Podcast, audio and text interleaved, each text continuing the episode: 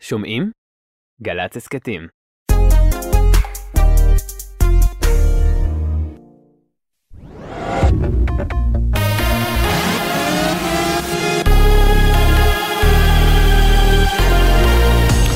גלי צה"ל השעה שתיים, שלום רב, באולפן ערן קורץ עם מה שקורה עכשיו. התחדש הירי לעבר ישראל, אזעקות נשמעו לפני זמן קצר באשדוד ובניצן. מוקדם יותר נשמעו התרעות צבע אדום באזור כיסופים ובכרם שלום. כתבנו בדרום רמי שני מוסר שבכל המקרים הנפילות היו בשטחים פתוחים. לא היו נפגעים ולא נגרם נזק. משבר בחקלאות בעקבות המלחמה, עשרות עובדים תאילנדים נרצחו ועשרות נחטפו באירועי השבעה באוקטובר. כך סיפר לנורית קנטי, המשנה למנכ"ל משרד החקלאות יובל ליפקין. יש לנו הסכם אה, בילטרלי עם אה, תאילנד, אה, עשרות של עובדים תאילנדים נרצחו, לא מעט מהם בשבי, עשרות בבתי חולים ואחרים עדיין לא זו. הלחץ מתאילנד, מהשגרירות, מהמשפחות, מהאימהות שרוצות את הילדים חזרה הוא מטורף. יש לנו כששת אלפים עובדים תאילנדים מענף החקלאות שכבר לא איתנו ואנחנו מאמינים שעוד רבים בדרך. ומזכ"ל התנועה הקיבוצית ניר מאיר אומר ביומן הצהריים של גלי צה"ל אני מקווה שעכשיו מבינים שאנחנו לא פריבילגים. העובדה שיש מאה קיבוצים שמסמנים את הגבול ומאבדים את הצלם האחרון הפכה להיות אה, מצב קבוע וברור ומובן מאליו ואפילו נחשבה לפריבילגיה. אז הנה למדנו שהפריבילגיה הזאת היא מאוד מאוד מאוד לא מובנת מאליה וזה לא רק אה, מסביב לרצועת עזה. עכשיו המדינה תצטרך להוכיח שזה לא מובן מאליו. המשטרה עצרה יותר מ-100 חשודים בהסתה לאלימות וטרור ו-24 כתבי אישום הוגשו נגד מסיתים לאלימות וטרור. במשטרה נמסר כי יותר מ-300 פרסומים של תמיכה והזדהות עם ארגוני טרור הוסרו וקרוב ל-150 תיקי חקירה נפתחו. כתבתנו עדה שטייף מוסרת שהצוות שהוקם באגף החקירות והמודיעין פועז מאז תחילת המלחמה במתכונת מוגברת. אמג'ד שווטה, חבר הנהלת ועדת המעקב העליונה של ערביי ישראל, אמר בגלי צה"ל כל תמיכה בהפסקת הלחימה הפכה להיות הסתה. זה מה שצריך להדאיג את החברה בישראל, שכל קריאה נגד המשך המלחמה הפכה להיות לקריאה בלתי לגיטימית, והדבר הלגיטימי היחיד במדינה היום הוא לקרוא לנקמה. אני חושב שזה מצב הזוי שמשקף עד כמה הפשיזם הגיע לכאן עמוק עמוק לתוך המדינה הזו. במערך הסייבר הלאומי מוסרים שהתקבלו במוקד 119 של המערך דיווחים רבים מאזרחים אודות שיחות שמתקבלות בוואטסאפ ממספר טלפון בחו"ל ואחריהן ניתוק ממערך הסייבר מדגישים שהשיחה עצמה אינה מביאה לחדירה או לנזק לטלפון, המערך פועל לדווח על מספרי הטלפון גם לחברת מטא. ידיעה שהעבירה כתבתנו כרמל אייל. בשעה זו ירי רקטות וטילים לעבר נתיב העשרה וגם לתל אביב, דרום, דרום העיר ויפו, תל אביב מזרח, תל אביב מרכז העיר, תל אביב עבר הירקון, גבעתיים, רמת גן מערב, חולון, ראשון לציון מערב ובני ברק. ומדריך התיירים המצרי מוניר מחמוד המצרי המתמחה בהדרכת ישראלים בעברית הקפיא את מג"ב עם חברות תיירות ישראליות בגלל המחאה בעזה. בריאיון לגלי צה"ל אמר מחמוד כי ישראל עברה מהגנה עצמית לרצח עם. מחמוד גינה את הטבח שביצע חמאס ביישובי העוטף ואמר כי חמאס כמו חיזבאללה סוחרים בדם הפלסטינים. ידיעה שהעביר כתבנו ג'קי חוגי. בשעה זו נשמעים, נשמעות התרעות צבע אדום בזיקים, בכרמיה, בבת ים, בתל אביב, דרום העיר, ביפו, בתל אביב מזרח, תל אביב מרכז העיר, תל אביב עבר הירקון. ומזג האוויר, ירידה קלה בטמפרטורות, אך עדיין חם מהרגיל עד שרבים, משעות הצהריים ייתכן גשם מקומי בצפון מזרח הארץ. שוב ירי התראות התראות על ירי רקטות וטילים בבני ברק, בראשון לציון מערב, בחולון, רמת גן מערב, גבעתיים, עבר הירקון, תל אביב, מרכז העיר, תל אביב. לכל מאזיננו, יום שקט, סוף שבוע רגוע, אלה החדשות.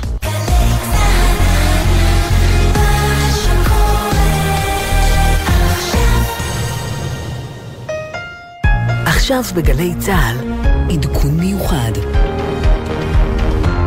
שלום לכם מחדר החדשות של גלי צה"ל, אנחנו מעדכנים כל הזמן בעקבות uh, מטחים uh, כבדים מאוד אל מרכז הארץ, מקודם היה גם ירי אל אשדוד, כתבתנו אנה פינס, את איתנו.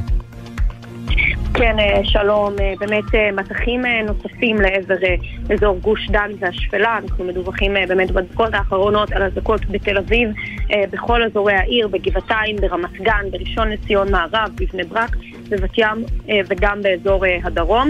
אנחנו עדיין לא יודעים אם היו נפילות או חלילה נפגעים. כן נגיד שמדווחים לנו גם בתל אביב וגם כאן בראשון לציון, איפה שאנחנו משדרים כרגע על הדי פיצוצים חזקים למדי שנשמעים, נשמעים כמו יירוטים, ואנחנו מיד אה, יוצרים קשר עם הכוחות והצוותים שבשטח להבין האם אה, מדובר גם חלילה בנפילות. באמת זו הזדמנות אה, נוספת להזכיר את הנחיות פיקוד העורף, שאכן מצילות חיים, כל מי שבאזורים הנקובים להישאר בדקות הקרובות במרחב המוגן. כן, אנה פינס, תודה רבה. רק נזכיר שממש לפני דקות אחדות היה אה, מטח אה, כבד אל כיוון גוש דן. הכתבים שלנו עדיין בודקים אה, אם יש פרטים נוספים לגבי תוצאות השיגור והנפילות האלה, ומה בעצם קורה בשטח. האזעקות אה, היו בתל אביב, בכל אזורי העיר, בבני ברק, בגבעתיים, ברמת גן, בראשון לציון. היו דיווחים על ידי פיצוצים חזקים גם בתל אביב, גם בחולון, גם ברמת השרון למשל, צפונית. לתל אביב, אבל אה, דורון קדוש, אה, כתבנו הצבאי, אתה נמצא איתנו כאן באולפן. כן, שלום ישראל, אז אנחנו מדווחים על מספר עירותים באזור של גוש דן, זה מה שידוע לנו כרגע. בינתיים עד לשלב הזה לא התקבלו דיווחים על נפילות או על נפגעים. אה, גם ממה שאנחנו הצלחנו לשמוע כאן באזור שאנחנו נמצאים בו, נשמעו מספר יירוטים, המספר עדיין לא ברור, אבל זה המטח הראשון היום לעבר אזור גוש דן, אחרי שאתמול היו שני מטחים כאלה. אמ, ואנחנו כמובן נביא פרטים כאשר יהיו נוספים. דורון קדוש, תודה רבה לך. אה, אז זה העדכון הקצר שלנו ברגע זה על אה, בעצם מטח הטילים לאזור המרכז, מערכת החדשות של גלי צה"ל. תשוב ותעדכן ככל שנדרש. ובינתיים אני מעביר את השידור אליכם, אה, נתן דטנר ואודיה קורן. מערכת החדשות של גלי צה"ל בעדכון מיוחד. עכשיו בגלי צה"ל, אודה הקורן ונתן דטנר. עורכת ענבל גזית. הבית של החיילים, גלי צה"ל.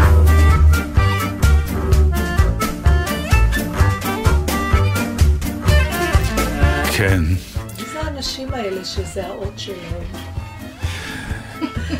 הפניית שידור כזאת עוד לא הייתה לנו, אני מוכרח לומר, אבל... נכון שרצינו אה, תשומת לב, אבל זה היה קצת מוגזם.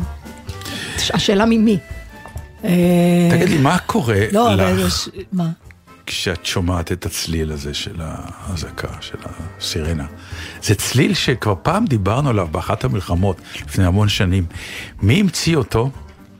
ולמה הוא נבחר? כן, כי זה צליל נכון. שהוא... דיברנו על זה שהוא מפעיל, הוא מפעיל מערכת כזה. אדרנלין והדרכה, והוא גם לא דומה לשום צליל אחר, חוץ מאחד, ואני מוכרח לבקש, תעשו לי טובה, אנשי האופנועים. אה, זה מה שרציתי להגיד לך, שאת האזעקות זה עובר לי, התרגלתי, כאילו אני לפעמים אפילו כמה, בגלל שאני תל אביבית, ואתמול, אה, זה מצחיק, עשיתי שעת סיפור לילדים עם שחקנית... אה, שמשחקת אישי מאשקלון, ועם שירן המתוקה, והייתה אזעקה. אז הלכנו. באשקלון? לא, הייתה אזעקה. אה, עשית את זה פה בתל אביב? בתל אביב, הבנתי. בצפון תל אביב הייתה אזעקה. אז. הלכנו, אנשים הלכו למרחב המוגן, חלק עוד התגרדו קצת בדרך, והיא אומרת, כמה יש לכם המון זמן פה. נכון, דקה וחצי פתאום, כאילו. היא אומרת, וואו, אפשר לעצור, לקחת משהו לאכול, כי היה שם כיבוד uh, של ה... אמרתי, את לא יכולה לאכול את האוכל של המפונים, יש גבול. אבל אני מבקש שאתם עם האופנועים, שתבינו, אנחנו על הקצה, ושאתם נותנים גז של טורבו, הסאונד שלכם הוא כמו סאונד של הסירנה. אבל יש לי בכלל, אני... היו ימים, בימי מלחמת המפרץ הראשונה, כן, אנחנו זקנים, בעיקר אני, אבל אני זוכר, אני לא יודע מה את זוכרת. אבל לא הייתה כזאת התראה, מכיוון שעוד לא היינו משוכללים כל כך, ולא הייתה כיפת ברזל שבעצם גורמת לנו היום לפרק את המדינה לשכונות ממש. ומה שקרה אז זה שברגע שהיה טיל, וזה היה וואחד סקאדים מטורפים, לכיוון גוש דן, כל גוש דן היה באזעקה. אז נכון, היו הרבה אזעקות, אבל כשהיית יושב בממ"ד, היית אומר לעצמך, טוב, כל גוש דן, מי יודע איפה זה ייפול? והסיכוי שהוא ייפול עליך הוא כמצבך. כלומר, כמה טילים, חלק למרחב, אז אתה יושב יחסית יעני רגוע. מה שקרה עכשיו, זה שחילקו אותנו באמת לצפון תל אביב, דרום תל אביב, מרכז תל אביב, מזרח תל אביב, שזה שכונות אחת ליד השנייה, שלא לדבר אם אני גר ליד רמת גן ופתח תקווה, אז אם יש בפתח תקווה טיל, אני לא אמור להיות בממ"ד. אבל מה קורה? בהתחלה אתה גם שומע את פתח תקווה, את הסירנה. אז אתה אומר לעצמך, זה שלי, לא שלי. נכון, כן. כן שלי, לא שלי. ואז כשאתה שומע את האזעקה שלך, אתה אומר, אה, שלי טיפה יותר קרוב, אני צריך להתחיל ללמוד לזהות. אבל מצד שני, החרדה גדלה. למה?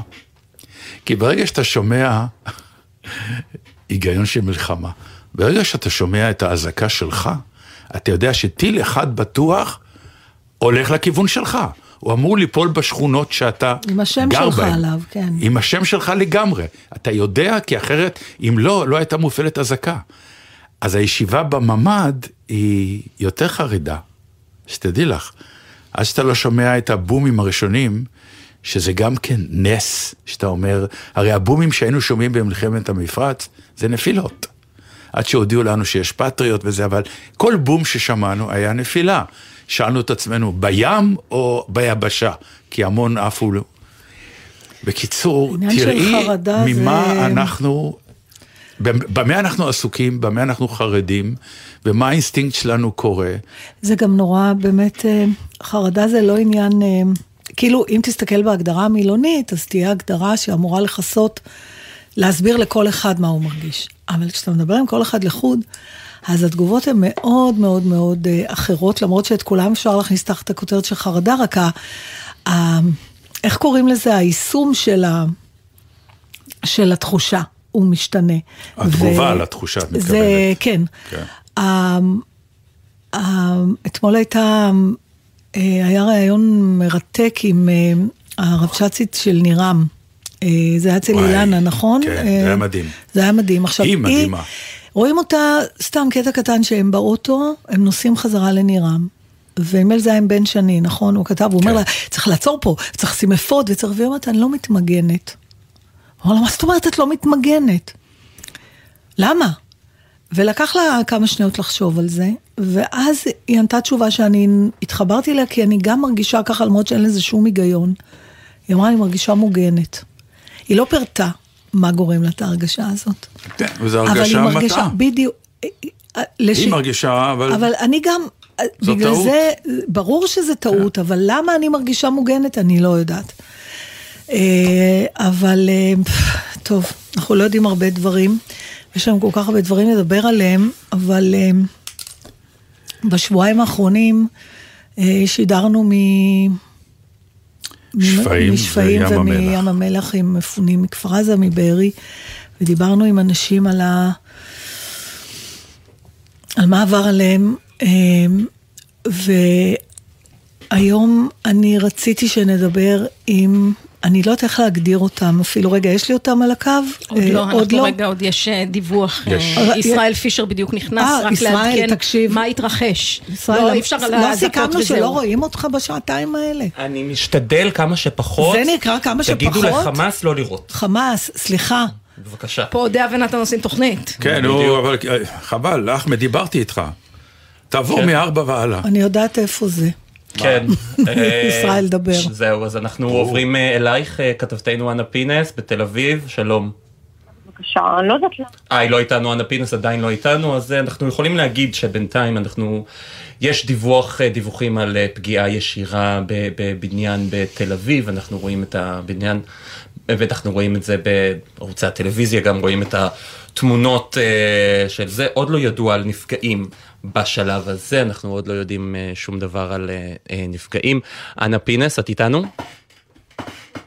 כן, באמת אנחנו יכולים לעדכן, מדובר, נדגיש, מדובר בדיווח ראשוני, המידע מתעדכן כל העת. אנחנו יודעים על איזשהו דיווח על פגיעה בבניין בתל אביב, לא ידוע האם מדובר ממש בפגיעה ישירה או באיזשהו רסיס, חלק רקטי כזה או אחר שנפל ופגע בבניין. אה, אנחנו כמובן לא ניכנס פה לעניין אה, של מיקומים מדויקים יותר אה, מבחינת ביטחון המידע, אבל כן נגיד שזה מידע שמגיע אלינו בדקות האחרונות, לא ידוע כרגע על נפגעים. חשוב מאוד להגיד, הצוותים עדיין סורקים. אם אכן מדובר בפגיעה ישירה, אז באמת יש איזשהו חשש ללכודים, לכן צוותים והכוחות עדיין סורקים את הזירה, אבל לפי שעה לא ידוע כרגע על נפגעים, זה עוד עלול להתעדכן, אוספים אה, ככה פרטים נוספים ומהימנים עם הכוחות והצוותים אה, ששם אה, סורקים, ואנחנו מיד נעדכן. ככל שיהיו פרטים נוספים. וזה גם בדיוק הזמן להזכיר את החשיבות בשמירה על הנחיות פיקוד העורף, כי גם אחרי ששומעים את הפיצוץ או את ידי הפיצוצים, עלולים ליפול רסיסים או חלקים גם של מיליארטים וגם של הטילים עצמם, ולכן להישאר במרחב המוגן ולא לצאת ממנו מיד. לגמרי, לחלוטין, באמת רואים אה, בימים האחרונים אה, ממש עוד ועוד דוגמאות לכמה ההנחיות האלה מצילות חיים. אה, למשל, גם בראשון לציון, שדווחנו על פגיעה ישירה בבניין, שבאמת הרס רב מאוד, נזק רב נגרם לבניין, ובגלל שה...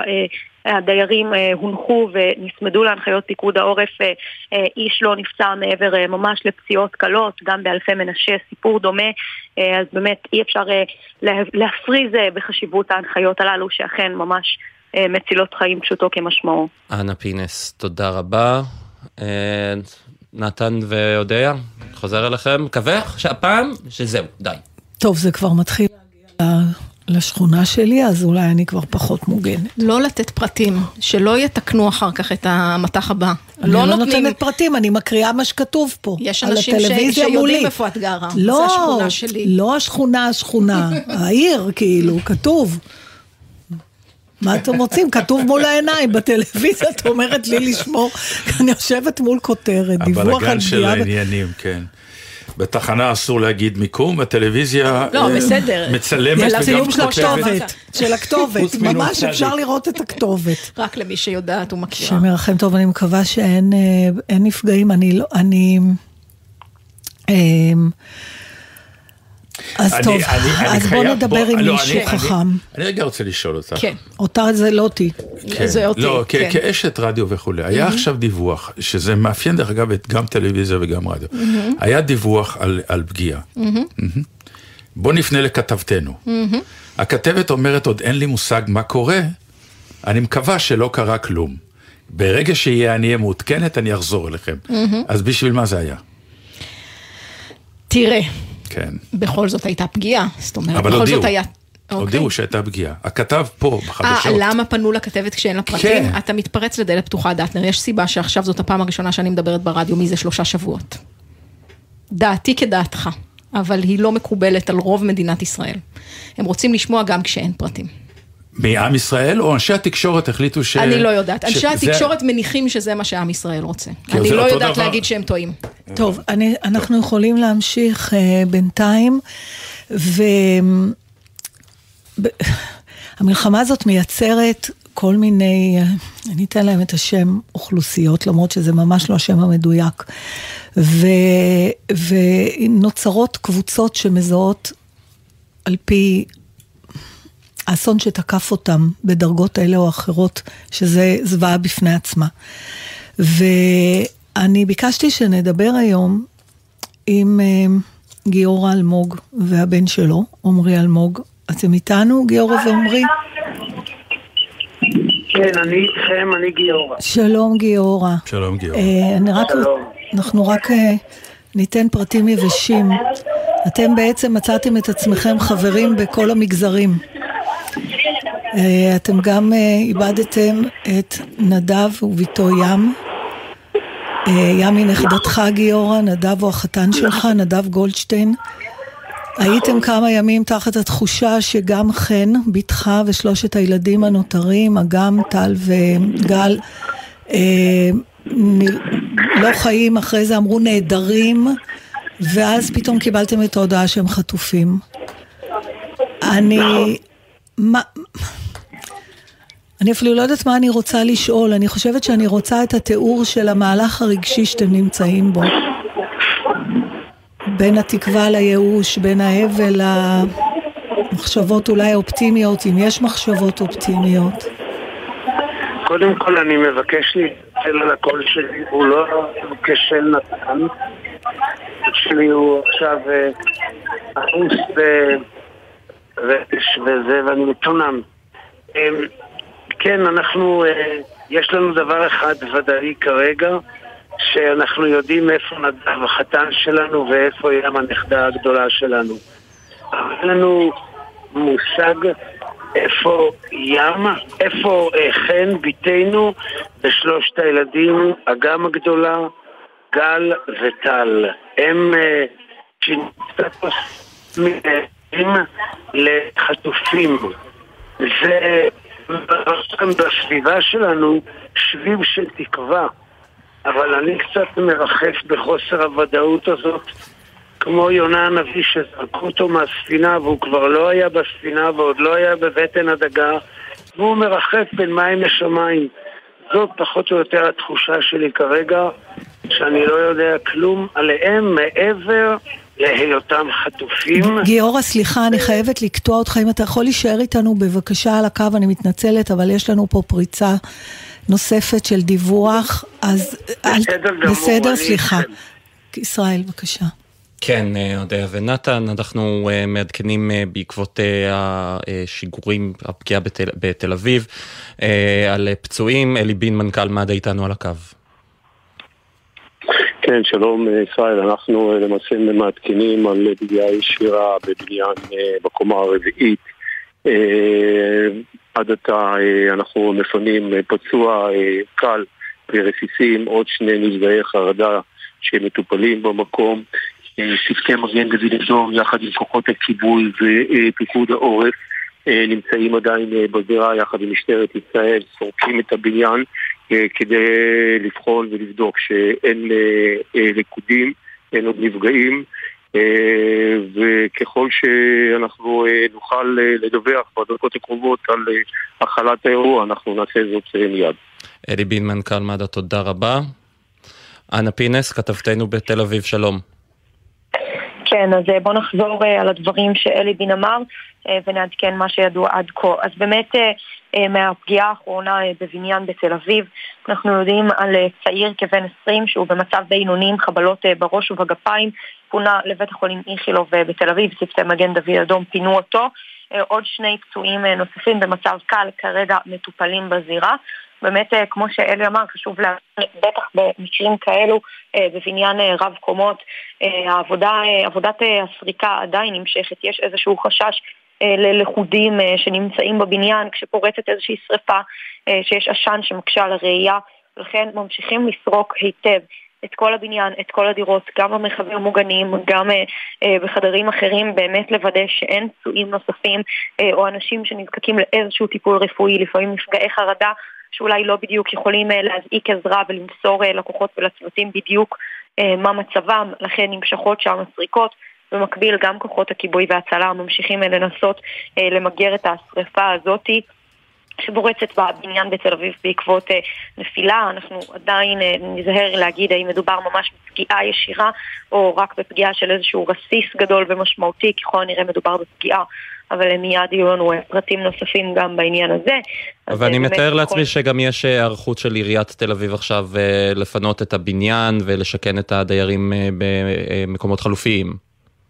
כן, נזק רב נגמר, נגרם למקום, גם שריפה שמתחוללת שם כעת, שתוצאותיה אנחנו נדע רק באמת אחרי שהיא תושג שליטה באש, אבל עצם הפגיעה גרמה לנזק רב בבניין, וככה העירייה כמובן בתמונה ותפעל אחרי הערכת מצב להבין בדיוק מה עושים, כן, גם אני מניחה שיפעלו לפינוי התושבים, אנחנו מיד נדע יותר. לפי שעה שלושה פצועים בפגיעת טיל ככל הנראה בבניין בתל אביב. ככל שיהיו פרטים נוספים, אנחנו כמובן נשוב ונעדכן. רק נחזור על זה, פצוע אחד במצב בינוני, שני פצועים במצב קל, ואנה עוד שאלה אחת ברשותך, אנחנו רואים שם אנשים רבים שמתגודדים, רואים מהתמונות מהטלוויזיה, אנשים רבים שמתגודדים מסביב לזירת הפגיעה, זה בעצם מפריע לכוחות ההצלה שם לפעול.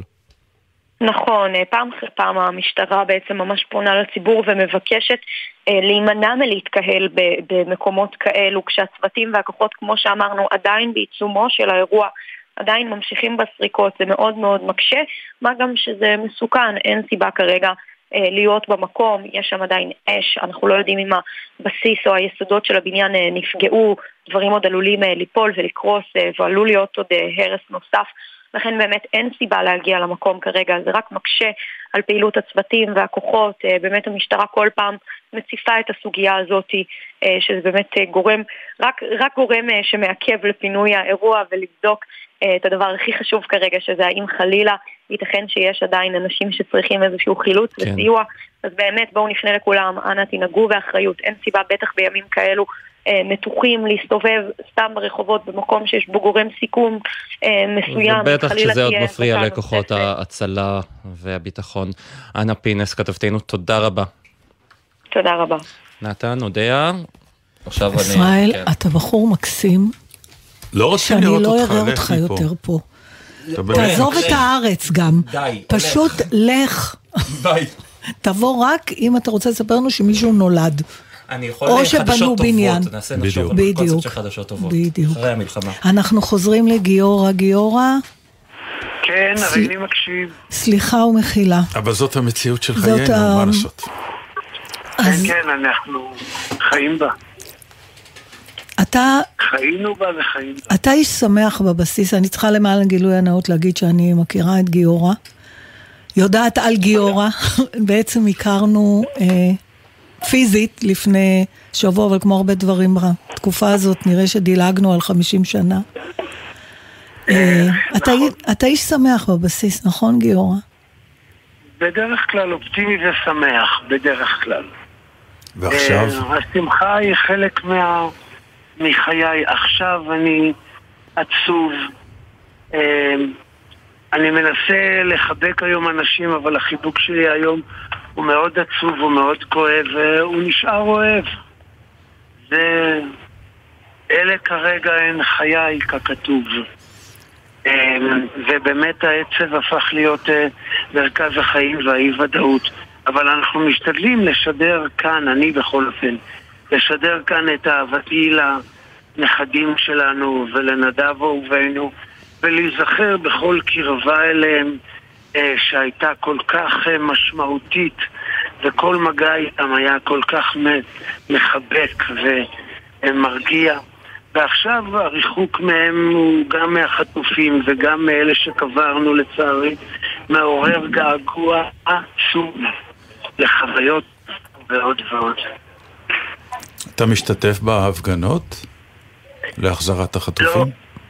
לא, לא, אני לא משתתף. כרגע אנחנו יושבים שבעה. יושבים שבעה על נדב אה, וים. אז בכלל לא בא בחשבון, אנחנו יושבים שבעה על נדב וים. אבל אני לא איש שרץ להפגנות, אני כואב את כאבי. אומרים שכאב זה כל אחד בדרכו. אז אני כואב את כאבי בדרכי.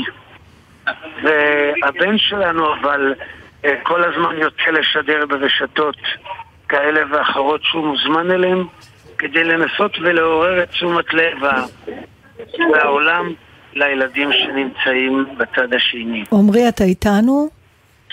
אני כאן, כן. ואתה, לפי מה שאבא אומר, ההתמודדות שלך זה בלעשות. אה, כן, את יודעת, אה, אנחנו מאוד כועסים וכואבים.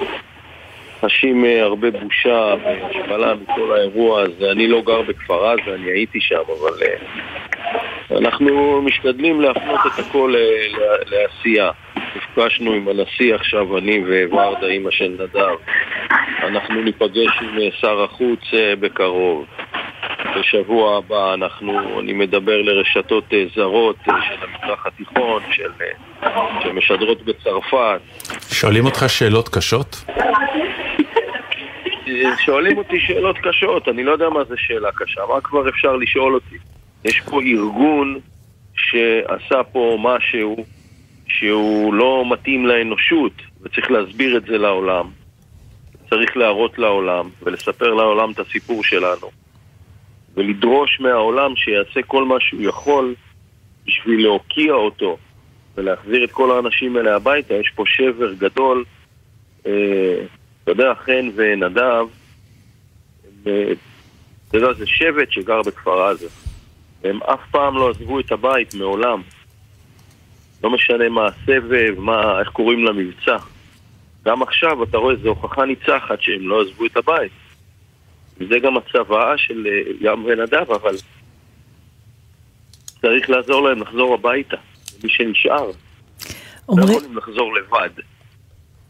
עמרי, היה לנו קצת אה, מין שיחות כאלה, שאתה גם תיארת משהו שהוא כאילו חוויה באמת שולית אולי לעומת הדבר המרכזי, אבל אתה פתאום מוצא את עצמך 24-7 עם המשפחה, כי אתה לא גר בכפר עזה, ואתה לא רגיל להיות uh, סמוך אליהם כל כך, אולי אני יכולה לבקש ממך אפילו לחזור על המשפט שאמרת לי?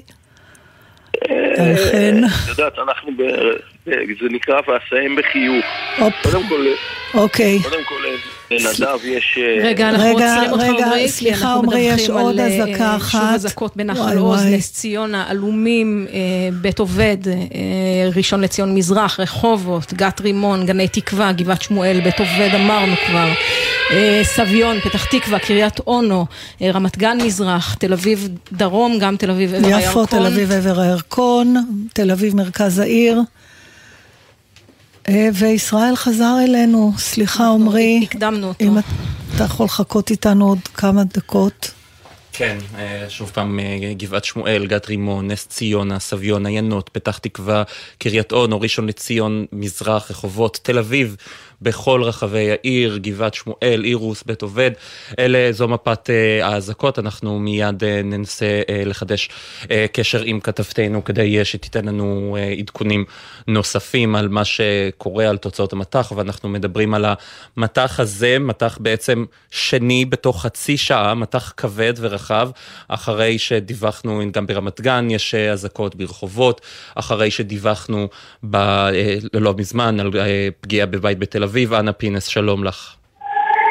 כן, אה, שוב מטח אה, שנראה כבד אה, לעבר השפלה וגוש דן.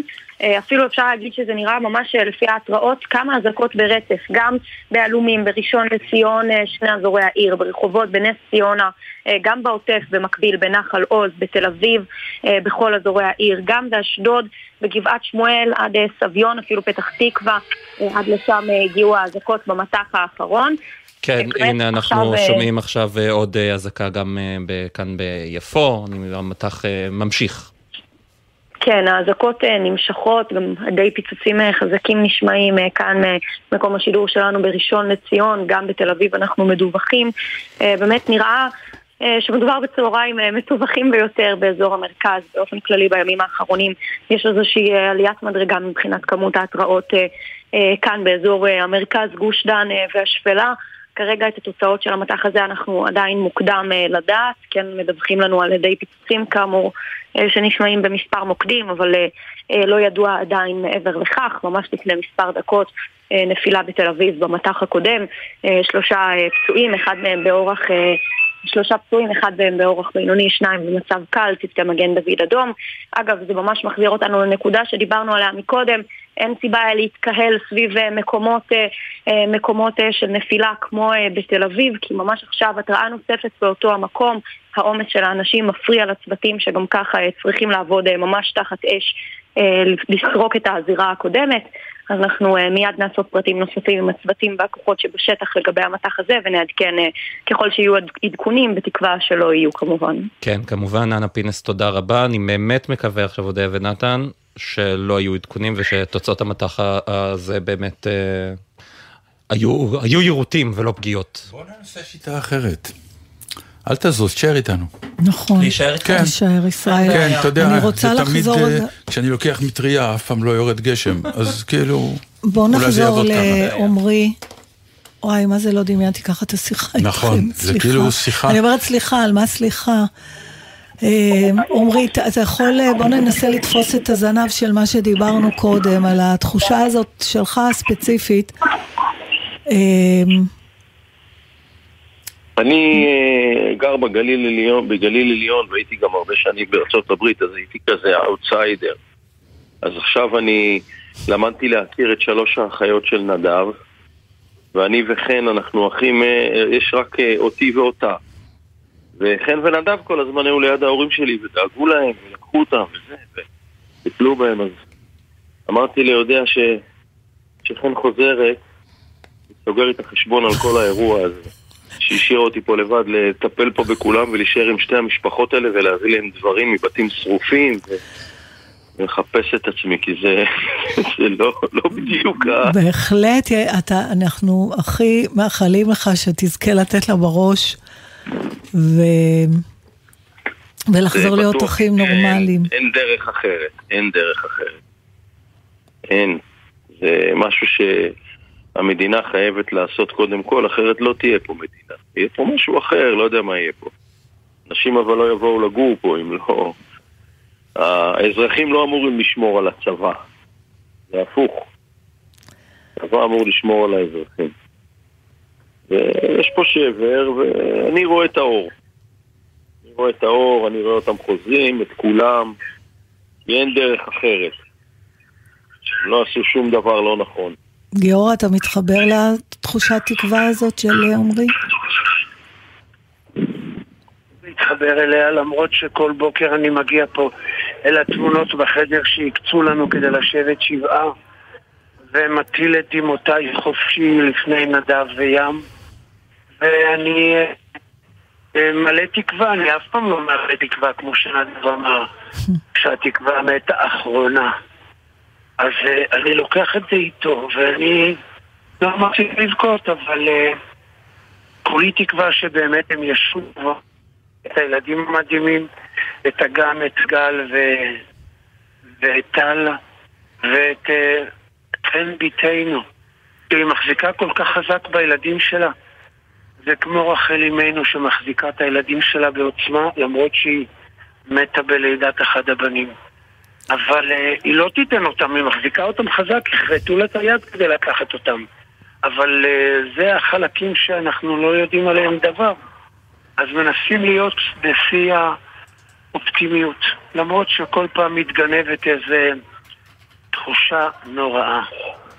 זהו, שלא יודעים מה איתם, איפה הם, האם מציקים להם, האם זה, הם, הם ביחד, אה, לאן לקחו את הילדים, לאן לקחו את האימא, איפה כל אחד נמצא. אה, זהו, לנו אין את האונה במוח שהשכנים שלנו חושבים. אנחנו לא יכולים לחשוב בתרבות שלנו כדי לנסות ולחטט במה הם עושים עכשיו. עצם הידיעה שהם חטופ, חטופים ולא נעדרים, ועצם הידיעה שהם אה, חטופים חיים, עלול להביא לנו מחשבות טובות. בינתיים אנחנו נעטפים על ידי גוגו וורדה וכל... אנחנו באמת משפחה גדולה. ויש לנו מזל שאנחנו כאן ביחד. זה נכון, גם כל מי שמגיע אליכם מרגיש את זה. נכון. אה, גיורא ועומרי, מה נאחל? שהשיחה הבאה שלנו תהיה עם חן והילדים, ונשמע איך עומרי כועס עליה. ועם פרקי שירה מעוררי תקווה. כן, וזה עליך גיורא. תודה לכם. תודה רבה לכם. ומשתתפים בצערכם על נדב וים. שבת שלום. שבת שלום.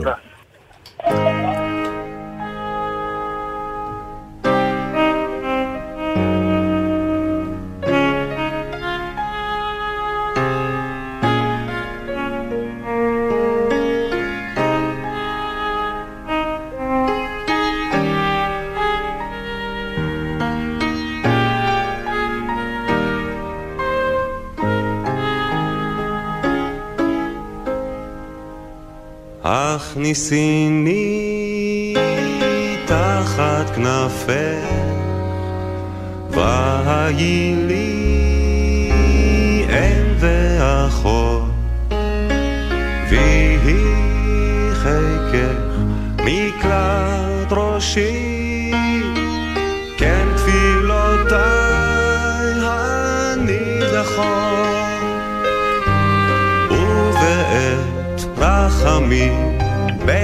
השמשות שכיבה ואגה לך סוד ייסורה.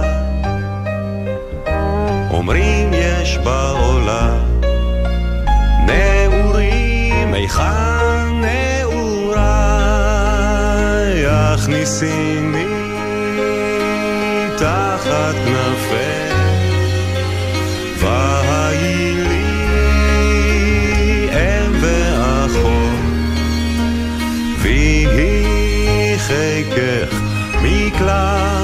ראשי, כן תפילותיי הנידחות, ועוד רז אחד לך אתוודה נפשי נשרפה בלהבה. אומרים אהבה יש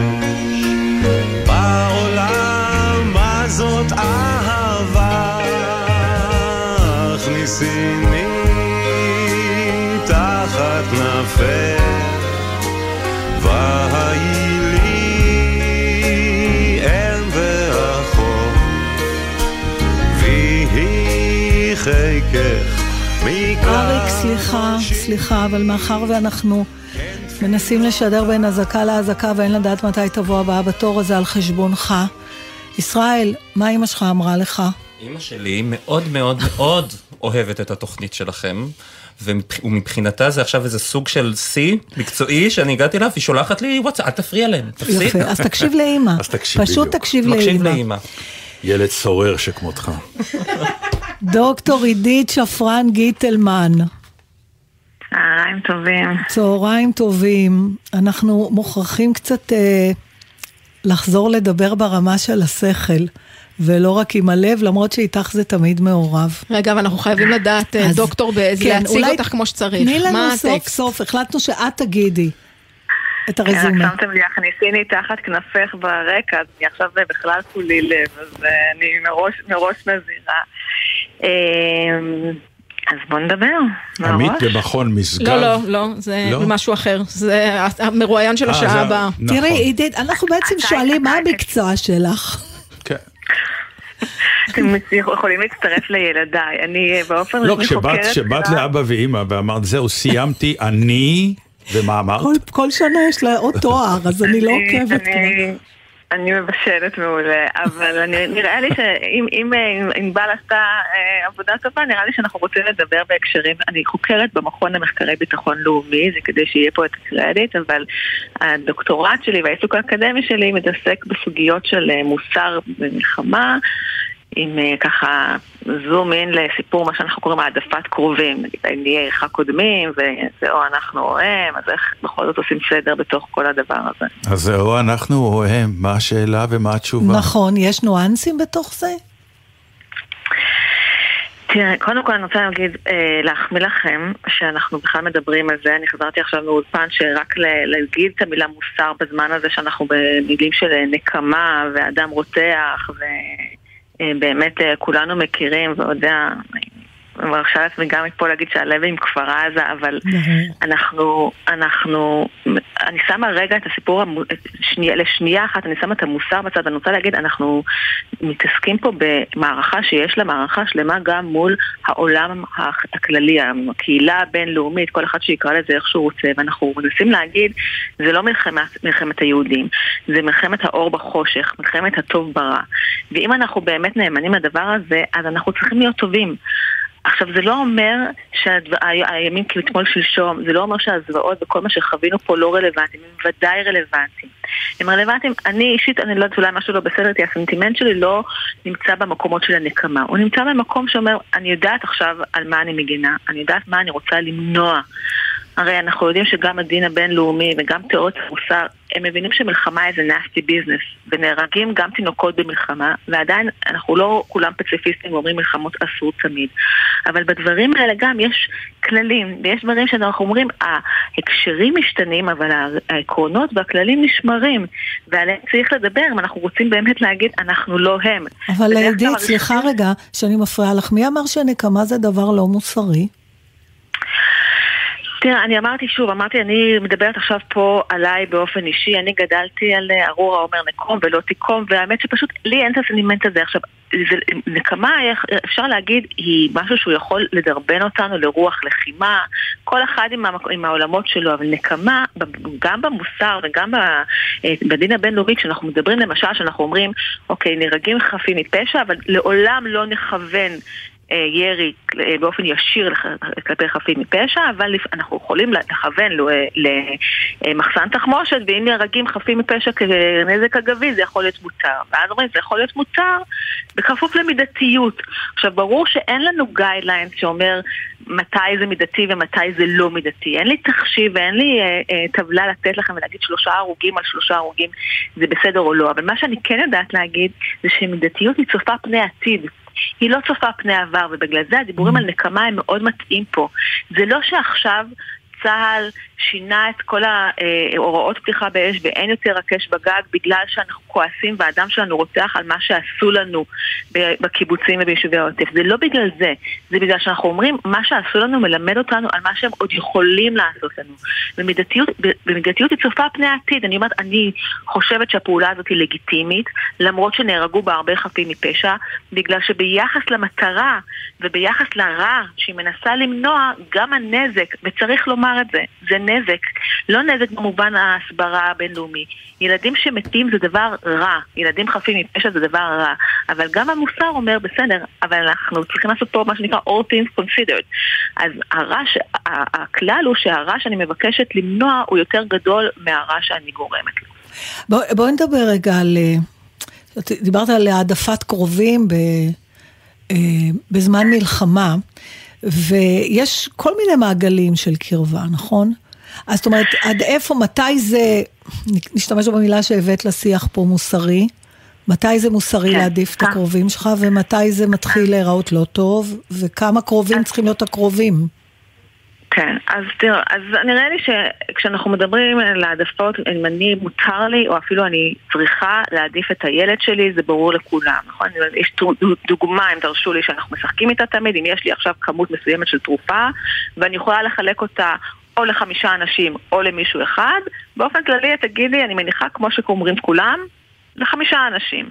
אבל אני, אני אומרת לך, אבל האחד הזה הוא הבן שלי והחמישה האחרים הם החברים שלו. אם אני אספר לך שחילקתי בין חמישה אחרים ונתתי לבן שלי למות, את תגידי משהו לא בסדר איתך, את לא אימא מעולה. אז ברור שכשזה קשור לילדים שלי, או אפילו לחברים הכי טובים שלי, מה שנקרא פרשיאליטי, העדפת קרובים, זה מ- ממותג אצלנו בתור העדפה שהיא מוסרית. בקצה השני של הסקאלה הזו יש את מה שאנחנו קוראים גזענות, העדפה על בסיס גזעי, ששם התחושות שלנו הן לא נוחות. העדפה על בסיס גזעי היא נתפסת אצלנו כהעדפה פסולה, גזענות זה משהו שאנחנו תופסים כמשהו שהוא רע מוסרית. והעדפה לאומית שאומרת אני מעדיפה את הילדים בעוטף עזה מאשר את הילדים בעזה, היא נמצאת איפשהו בתווך. עכשיו, היא נמצאת איפשהו בתווך במובן הזה שאנחנו חושבים שזה בסדר, אם אני עכשיו מחליטה לתרום לשיקום העוטף ולא לתרום לשיקום עזה, זה נראה בסדר. אם אני מעודדת את, אה, את, את הספורטאים ישראלים באולימפיאדה, אף אחד לא חושב שאני עושה משהו לא מוסרי. אבל קו הגבול עובר בשאלה מה מותר לי, מה מצדיק. מה מותר לי לעשות, מה מוצדק לעשות בשם העדפה הזאת. והקו גבול העקרוני הוא שמותר לי, כשאנחנו אומרים עניי עירך קודמים, אנחנו שוכחים שהכוונה, הגמרא מדברת על זה בהקשר של מתן צדקה. אם יש לי כסף ואני יכולה לבחור את מי להציל, אני אציל קודם את מי שקרוב אליי, אבל אם אני חוזרת רגע לדוגמה הקצת גרפית של, הילד, של מי שאני צריכה להציל את החיים, גם אם הילד שלי זקוק לכליה, ובמקרה אני רופאה ומישהו שוכב אצלי אה, בחדר מורדם, זה לא, אנחנו נחשוב שעשינו משהו, שעשיתי משהו רע, אם אני אפגע בו ואקח את הכליה שלו. אז הקו גבול עובר בין לעשות טוב לקרובים אליי, אבל לא לפגוע באחרים בשביל למטרה הזאת. אבל פה יש לנו וגם עוד... כן. לא, גם פה צריך לשים כוכבית, כי אנחנו פוגעים במלחמה באנשים בשביל להציל את הקרובים אלינו, אבל הכלל הוא שאנחנו פוגעים כנזק אגבי, ולא כפגיעה ישירה. אנחנו מתעלמים פה מהמילה כאב והסמיכות שלנו לכאב, אני חושבת שהרבה פעמים מכתיבה גם את ה... כי במה שאת מתארת, בעצם הכאב של מי שאנחנו אמורים גם להכיל, קשור בהכרח לאותה, לאותו מעגל על רקע גזעי או לאומני של אלה שגרמו לכאב שלנו. ולכן אני חושבת, כל פעם שמישהו מעז, מעז רק להגיד אה, משהו על זה שיש ילדים, אולי גם בצד השני כולם מתנפלים עליו, ואני לא יכולה גם לבקר את זה. כי יש גם את התחושה הזאת, את מבינה? הכל התערבב, הכאב עם התחושה לנקם, והמוסר פה נשאר על המדף איכשהו. כן, אבל פה אני תסלחי לי שאני אגיד כמה משפטי פאתוס. אה, לא יעז, כשאנחנו רוצים להביס את חמאס ולנטרל את חמאס מיכולותיו ולהשמיד את חמאס, אנחנו רוצים להיות אנחנו שעשינו את זה. מדינת Mm. ישראל עם הערכים שאנחנו חרטנו על דגלנו. אם אנחנו נעשה את זה ונפקיר לגמרי את סט הערכים שלנו, החמאס אולי יושמד, אבל אנחנו נושמד איתו. וההשמדה היא לא משנה אם זו השמדה פיזית, שלא יהיו פה יותר, שלא יהיו אנשי חמאס, או השמדה של מי שאנחנו, איך אנחנו מסתכלים על עצמנו בראי. ואני חושבת שזה מאוד מאוד, אותי זה אפילו מרגש, כשאת שומעת את הרמטכ"ל מדבר על זה, והוא אומר, אנחנו נלחמים אבל אנחנו לא מאבדים צלם אנוש. והוא אומר את זה למרות שהסנטימנט בארץ הוא לא כזה. כי הסנטימנט בארץ באמת הולך עם הכאב. עכשיו, כאב, כאב הוא לא תוכנית עבודה. כאב זה משהו שאנחנו חייבים כדי לפתח חמלה, אנחנו חייבים בתור בני האדם להכיר בכאב של אנשים אחרים, אבל כשאנחנו מדברים על אה, הקשרים של מוסר מלחמה, יש קריטריון אחד, והוא מי, מי שחף מפשע ומי שאינו חף מפשע. וילד בן שלוש הוא חף מפשע גם אם הוא נולד בעזה, וזה נורא קשה להגיד את זה, וזה מכעיס, ואתה השמאלנית הטהרנית, ותעזבי אותי ממוסר עכשיו. אבל עכשיו אנחנו, נעזוב אותנו ממוסר עכשיו, וכשתיגמר המלחמה, בשש אחרי המלחמה נסתכל על עצמנו ונגיד, עם מה נשארנו, מי אנחנו, וגם על הדבר הזה, בתוך הכאב ובתוך התופת, אני חושבת שחייבים לדבר על זה, וגם חייבים לשאול את השאלות האלה, וגם אני יודעת שמקבלי ההחלטות שואלים את השאלות האלה, וזה שאנחנו בדיסקט אחר ומחשבים אחרת את המידתיות ומשנים את הוראות הפתיחה באש, זה הכל בכפוף לגודל הזוועה שאנחנו מבקשים למנוע ולהבנה שאנחנו באמת אולי בעולם שהוא פחות תמים ממה שחשבנו, אבל אף אחד לא מדבר על מציאות שבה אנחנו אומרים, אנחנו ומוסר כבר לא. אבל אם הקוד מסביב הוא לא הקוד שאת מדברת עליו, אבל אנחנו מוקפים בקודים אחרים. למה...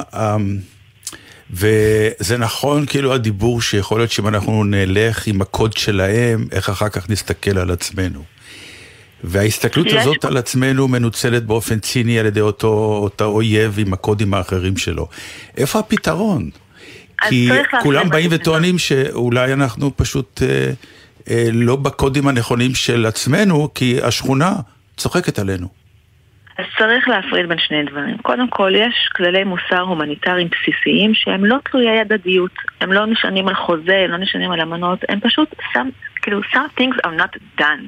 וזה לא משנה מה עשו לך, הרי אנחנו, הרי למה כל כך היה חשוב להגיד שלא הפצצנו את עזה עם הכל מותר? הרי אנחנו לא נלך עכשיו ונערוף ראשים ונהרוג ילדים בני שלוש בכוונה. אז כלומר, אנחנו כבר אומרים, זה שהם עשו לנו את זה, אף אחד לא מעלה על דעתו שאנחנו נעשה את אותו דבר. אחרי שאמרנו את זה, אני בהחלט מקבלת את זה שיכול להיות שצריך להגיד, תראי, אנחנו חיים במקום אחר, אנחנו לא חיים בעולם אוטופי. הרתעה זה דבר שהוא סופר משמעותי, וצריך להבין באיזה עולם אנחנו מתנהלים. אני, אני מקבלת את הדבר הזה, אני מקבלת את הדבר הזה, אבל מתוך מחשבה שאנחנו עושים את זה כדי להגן על עצמנו. לא מתוך מחשבה שעכשיו אנחנו רוצים לנקום ואנחנו צריכים להשביע איזה יצר נקמה שאין לו שום תכלית חוץ מלהרוס את עצמנו מבפנים. ככל שההבנה של הדבר הזה היא אומרת, אחרת אני אפסיד במלחמה, אז, אז, אז זה שיח אחד. אבל השיח להגיד, אנחנו אה, אה, מתנהגים במוסריות והם לא, הוא, הוא לא מקדם אותנו לשום, לשום מקום, גם, לא, גם אני לא חושבת שיש לו תועלת אה, מיוחדת. אלא אני שמה סייג לדבר הזה, כאשר האויב מנצל את העובדה שאנחנו נשמעים לדין הבינלאומי, למשל כשהוא משתמש במגינים אנושיים, אז בוודאי שיש לזה הקשרים ובוודאי שיש לזה משמעות, אבל זה עדיין לא אומר שהכל מותר, עדיין יש שאלות שאתה צריך לשאול את עצמך, גם כשאתה מוריד קצת את הסיפור של המוסר, אתה צריך לשאול את עצמך מה סיכויי ההצלחה בפעולה שאתה עושה, אתה צריך לשאול את עצמך מה התועלת שאתה מביא מה, מה, מהפעולה הזאת. אין דין פעולה שאתה אומר, הנזק שלה הוא ענקי, ונראה לי שאולי יש שם איזה מחבל של חמאס, כדין פעולה שאתה אומר, הנזק שלה הוא בינוני או אפילו גבוה, אבל אני יודע שאם אני אבצע אותה, אני כרגע מקרב את המלחמה לקיצה ומשמיד את יכולות החמאס באופן משמעותי. והחובה שלנו היא להמשיך לשאול את השאלות. יכול להיות שבקלקולציה שלנו יהיו לנו תשובות שונות, אבל אנחנו לא יכולים לאפשר לעצמנו לוותר אפילו על המקום הזה שבו אנחנו שואלים את השאלות האלה. וואי, השאלות יהיו מאוד קשות כן. אחר כך. אבל אני לוקחת את מה שאמרת, אני שמה בצד, אני כרגע מודה שהמצפון שלי מוקף חומה, בצורה, אבל אני אשאיר שם איזה חרכים, ואני מקווה שה... בוא נגיד, העצה שלך, עצה במובן העמוק של הדבר, אכן תחלחל, אני מאמינה שכן. אני נורא שמחה שדיברנו איתך, היה צריך לשמוע גם את המילים האלה. תודה רבה. תודה, שלום. שפרן גיטלמן. שבת שלום. תודה. תראה, השעה עוד רגע נגמרת, אז אתם רוצים שיר או שאתם לא, רוצים לא. ללרלר? אני, כן. לא, סתם. יואו, מה? ללרלר היא אמרה. בעניין חיובי, בקטע חיובי. לא, זה מזכיר לי את השיחות, זה, הי- היו לנו הלו במרוצת אתה השנים. רואה שאתה לא זז? לא קורה כלום. במרוצת ישראל לא, הוא אתה הקמע. שלנו. אתה המטריה שלי עכשיו. איך שתלך יהיה אזעקה, אל תזוז. נכון. וגם כשנלך הביתה תישאר פה. אני נשאר פה עד פשוט שש היום בכל מקרה. בדיוק, אתה באולפן. פשוט אני מבקשת להשאיר את ישראל במקום. אה, אמא תביא לו אוכל. בדיוק. אז כשהלוא אין נושא בעולם שלא אכלנו את הראש עליו. והר- ויותר מפעם אחת לדעתי דיברנו עניין של נקמה. תמיד דיברנו על זה מהפריזמה האישית, שעושים לנו משהו רע. כן. אבל אתה יודע, תמיד אפשר אחי, ואני זוכרת את הדימוי הזה שלך, שאתה תמיד מה שהכי מעצבן אותך, שאתה רוצה לחנוק את מי שעשה לך רע, ואומרים לך אל תרד לרמה שלו. דיברנו על זה בהקשר של בריונות, כן, בהקשר אה. של זה. אבל כנראה שבסוף... תראה, חוקים זה דבר מקביל, וברגע שאתה אה, מגדיר את עצמך כבן לעול, לאיזשהו עולם נאור, כן. עם, שנשען על חוקי מוסר, שנשען על מותר ואסור, אז לפעמים אה, הם גם, אתה, אתה יודע, אם אתה נתקל בהם ואתה רוצה להעיף אותם, ועכשיו השאלה כמה הם יעמדו שם וייתנו fight ל, לרגש החייתי הזה. אני לא יודע, אבל אני יודע שהמשפט הזה הטריף אותי, ולא סתם המשפט של אל תרד לרמה שלהם, כי לפעמים אתה מבין שאתה חייב לרדת לרמה שלהם, כי הם מנצלים את זה שאתה לא יורד לרמה שלהם, ואחר כך את ההתלבטות אני אעשה אחר כך עם עצמי. אני חושבת שמה שעידית אומרת, זה נכון אולי לטווח קצר מה שאתה אומר, אבל אם הבנתי נכון, מה שעידית אומרת זה שבלונגרן, נכון. בטווח הארוך, אתה לא, זה יתהפך עליך. זה- ולכן אני אומר, אה, הרצון לרדת לרמה הזאת הוא קיים, הוא, הוא, הוא אנושי, ואני אומר, אוקיי, אחר כך יהיה לי חשבון, ואני אעמוד מולו. אתה יודע, אני מרגישה... ויכול להיות שהוא ב- יהיה חשבון קשה. נכון, וגם כל מיני שיחות עם אנשים שבאמת, אה, כאילו אתה אומר, ברור, אני לא מתכוון שאנחנו נעשה להם בדיוק את מה שהם, כי אנחנו לא מסוגלים, כי זה חיות, כי זה זה. אז הדבר האחרון שנשאר, זה למנוע את הרחמים עליהם, כאילו. אני לא אומרת, אני לא מציעה את זה, אני אומרת שזה מה שאני מרגישה. שבסוף, תמיד על מי כועסים, שאומר, אבל יש גם ילדים בצד השני, לא, לא, אל תגיד לי את זה עכשיו. תשאיר לי לפחות את המקום האחרון הזה, שאני לא צריך גם לרחם עליהם. כי כאילו אתה תופס את הרחמנות כחולשה. וכרגע אני מתחברת לזה לצערי, כי אני לא מכירה את עצמי במקום הזה. התמונות שאנחנו רואים מעזה הן לא התמונות האמיתיות לגמרי, אנחנו רואים בניינים מתפוצצים וזהו, כי זה מה שמראים לנו בטלוויזיה הישראלית. בחוץ רואים דברים איומים. אה, אתה יודע מה? סתם, אני אומר אז- ש- אז- אז שלא יאמינו. פשוט נו, עזוב, אנחנו- אני לא אובייקטיבית עכשיו. לא, אף אחד מאיתנו, זו. שיחה מאוד לא אובייקטיבית. לא. אנחנו נהיה פה גם. אחרי החדשות. אה, בסדר. בסדר, נהיה גם. אבל אנחנו, לפחות שיזכירו לנו. טוב, אני- אם? אתה פה ואתה לא מדבר, סימן שה... הכל בסדר, נכון? חברים, חדשות אחרי לא, זה. לא, אני מדבר על המטח השני, שהכל בסדר. הכל הכל בסדר. לא, לא נהדר, נהדר. יאללה, תכף נחזור. עכשיו בגלי צה"ל, אודה הקורן ונתן דטנר. עורכת ענבל גזית. הבית של החיילים, גלי צה"ל.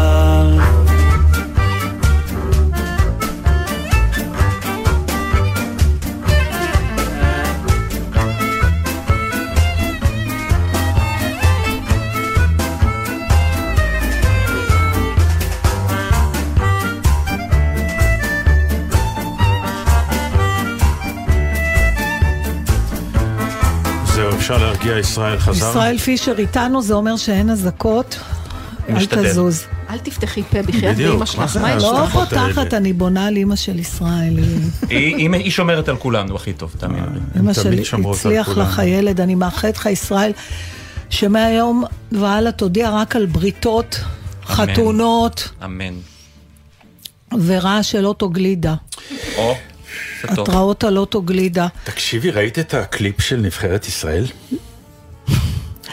אם אני אמשיך, ב- אם מדברים על כמה השתנית, השתננו מאז המלחמה. אז בעניין של כדורגל נשארתי אותו דבר, וכמובן שלא ראיתי את הקליפ של נבחרת לא, אבל ישראל. זה, כי, לא, זה לא. זה לא קליפ מקצועני, זה קליפ שרץ בכל הרשתות. זה נבחרת לא ישראל. בכדורגל? היא לא אז לא לדבר ראיתי. הזה. אז חבל, כי זה אחד הקליפים אז הכי ספר לי יפים בשביל מה וגאונים, יש אז לי אני אותך. אספר לך. זה מושתת למי שלא יודע כדורגל, שקבוצות עולות למגרש לתחילת המשחק, יש איזה נוהג בכל העולם, כולל בכדורגל בארץ, שכשהנבחרות עולות, הן לוקחות איתם לילדים. כל אחד, כל שחקן לוקח איתו ילד שלבוש במדים של הקבוצה. וכאילו עולים איתם, והילדים הם הדור הבא וכולי, כשגם הילד הקטן לוקח את הכדור למרכז המגרש, זה ג'סטה ידועה. ילדים אקראיים? ילדים שבוחרים אותם כל פעם. אה, אוקיי, פעם, זה לא לא- הילדים האישיים של לא, לא, לא, השחקנים. לא. ילדים אוהדי ש- המועדון, שחקנים אה, אוהדי צעירים. מועדון, לפעמים זה למען אה, עמותה כזו וכזו. הבנתי. בקיצור, זה ג'סטה חביבה ביותר, אבל היא כבר כמעט, אה, היא לא כמעט, היא נוהג קבוע. בכל המשחקים, בטח אולי הבינלאומיים. אפשר לעשות את זה גם בתיאטרון. שמה, כל פעם ששחקן עולה, הוא גורר אחריו איזה ילד. אז זה בדיוק העניין, שאמרת את המילה הנכונה. בתיאטרון הוא גורר אחריו. הילד לא רוצה להיות לא שם. רוצה להיות בתיאטרון, רוצה כדורגל. והם שם מאוד רוצים להיות. זה כבוד מאוד גדול, גם מדובר תמיד, אם זה בנבחרות, אז זה בשחקנים סטארים, לא כמוני וכמוך, שיגררו ילד על הבמה שיצרח. אז אה, מבחינתם זה האושר והאור הגדול, הם מגיעים הרבה זמן לפני המשחק והם מתכוננים, מקבלים בגדים מאוד מתרגשים. ואז עשו קליפ מרתק שרואים את נבחרת ישראל והנבחרת אחרת, ואז רואים איך אה, ידיים של שחקן חופנות כף יד של ילד, כן. ושחקן ישראלי מושיט יד ולא מגיע ילד. איי. ואז הם עולים למגרש, ובדרך כלל כשהם עומדים על המגרש, הם עומדים כולם בשורה, והילדים בשורה לפניהם. ונבחרת ישראל עומדת בלי הילדים. ואומרים, אנחנו מחכים לילדים שיחזרו. אומרים זה, יש, כתוב זה בקליפ. בטקסט באנגלית, עם אוקיי. ה hashtag bring them home. נורא יפה, עשוי מדהים, מרגש. ואיפה, ואיפה רואים את זה? ברשתות החברתיות אנחנו נשתף אבל גם בעולם רואים את זה? ברור, זה זה נועד. לעולם, כי גם הכתובת היא באנגלית, אה, וזו שפה שכל העולם מבין, כי אנחנו יודעים שכדורגל זו הדת החדשה האמיתית. ישראל, למה אתה מסתכל בטלפון שלך כל הזמן? לראות אם יש עדכונים בקבוצת וואטסאפ וכולי. קח לו את הטלפון, כמו בתיאטרון. לא, הוא מסתכל ואני כאילו מקשיבה לך ואני בזווית שלה, אני אומרת, מה הוא קורא שם? שלא יבוא דברים, לא, לא, אין- דברים רעים. שים את הטלפון פה על השולחן. טלפון. פה. בדיוק. אה. טוב, אנחנו, באמת אה, שריינו לנו אנשים נורא מעניינים לדבר איתם, ואנחנו כל הזמן במרוץ מול ה... לא, לא, די, זה אז יאללה, אז נגמר. נתן, עכשיו אתה. מי איתנו? האורח שלך. אליהו יוסיאן. עוד לא איתנו. עוד לא איתנו. רציתם שיר קודם. נכון. לא, אני לא רוצה שיר בכלל. אז כן, בסדר, כן, אז לא, לא, נועה. רגע תעלה את אה, אליהו, ואז אנחנו נוכל לפנות אליו. בוא אני אספר. לך. ה- בוא, נספר אחד לשני דברים. לא, יש, אה, הבחור הזה, אליהו כן. יוסיאן, הוא הוא דבר שלא הכרתי, הוא פתאום הופיע, לדעתי, התחיל בערוץ אחד, כלומר בערוץ 11, ואחר כך הוא גם ב-14, ואחר כך הוא גם ב-12, ומארחים אותו, והוא הוא, הוא סיפור מרתק שאני מת לשמוע, כי הוא, הוא עזב לפני כמה שנים, די מעטות, את איראן. הוא איש אה, של, עם אני מקווה פרס... שהוא לא מתחרט על זה לא, לא, עכשיו. לא, לגמרי לא. שיותר שקט שם, לא? הוא, יש לו פרס ביטחון ישראל. אה, אז הוא טוב שהוא עזב. עושה, כן. זה איש מרתק, שהוא גם מביע דעות מאוד אה, אה, אבל הוא אחרות לא עונה לנו בטלפון. ומקומיות. מה, הוא לא עונה לנו? אני מקווה שלא. לא, לא, אבל, יכול להיות לא, שהוא- אז לא חשוב, אז, אז אני, אז אני, אנחנו טוב, אז אני אפסיק לספר עליו. בינתיים כדי לא למלא אה, ציפיות שבסוף... טוב, אה, אז אני אגיד לך מה, מה, מה נעשה. אני,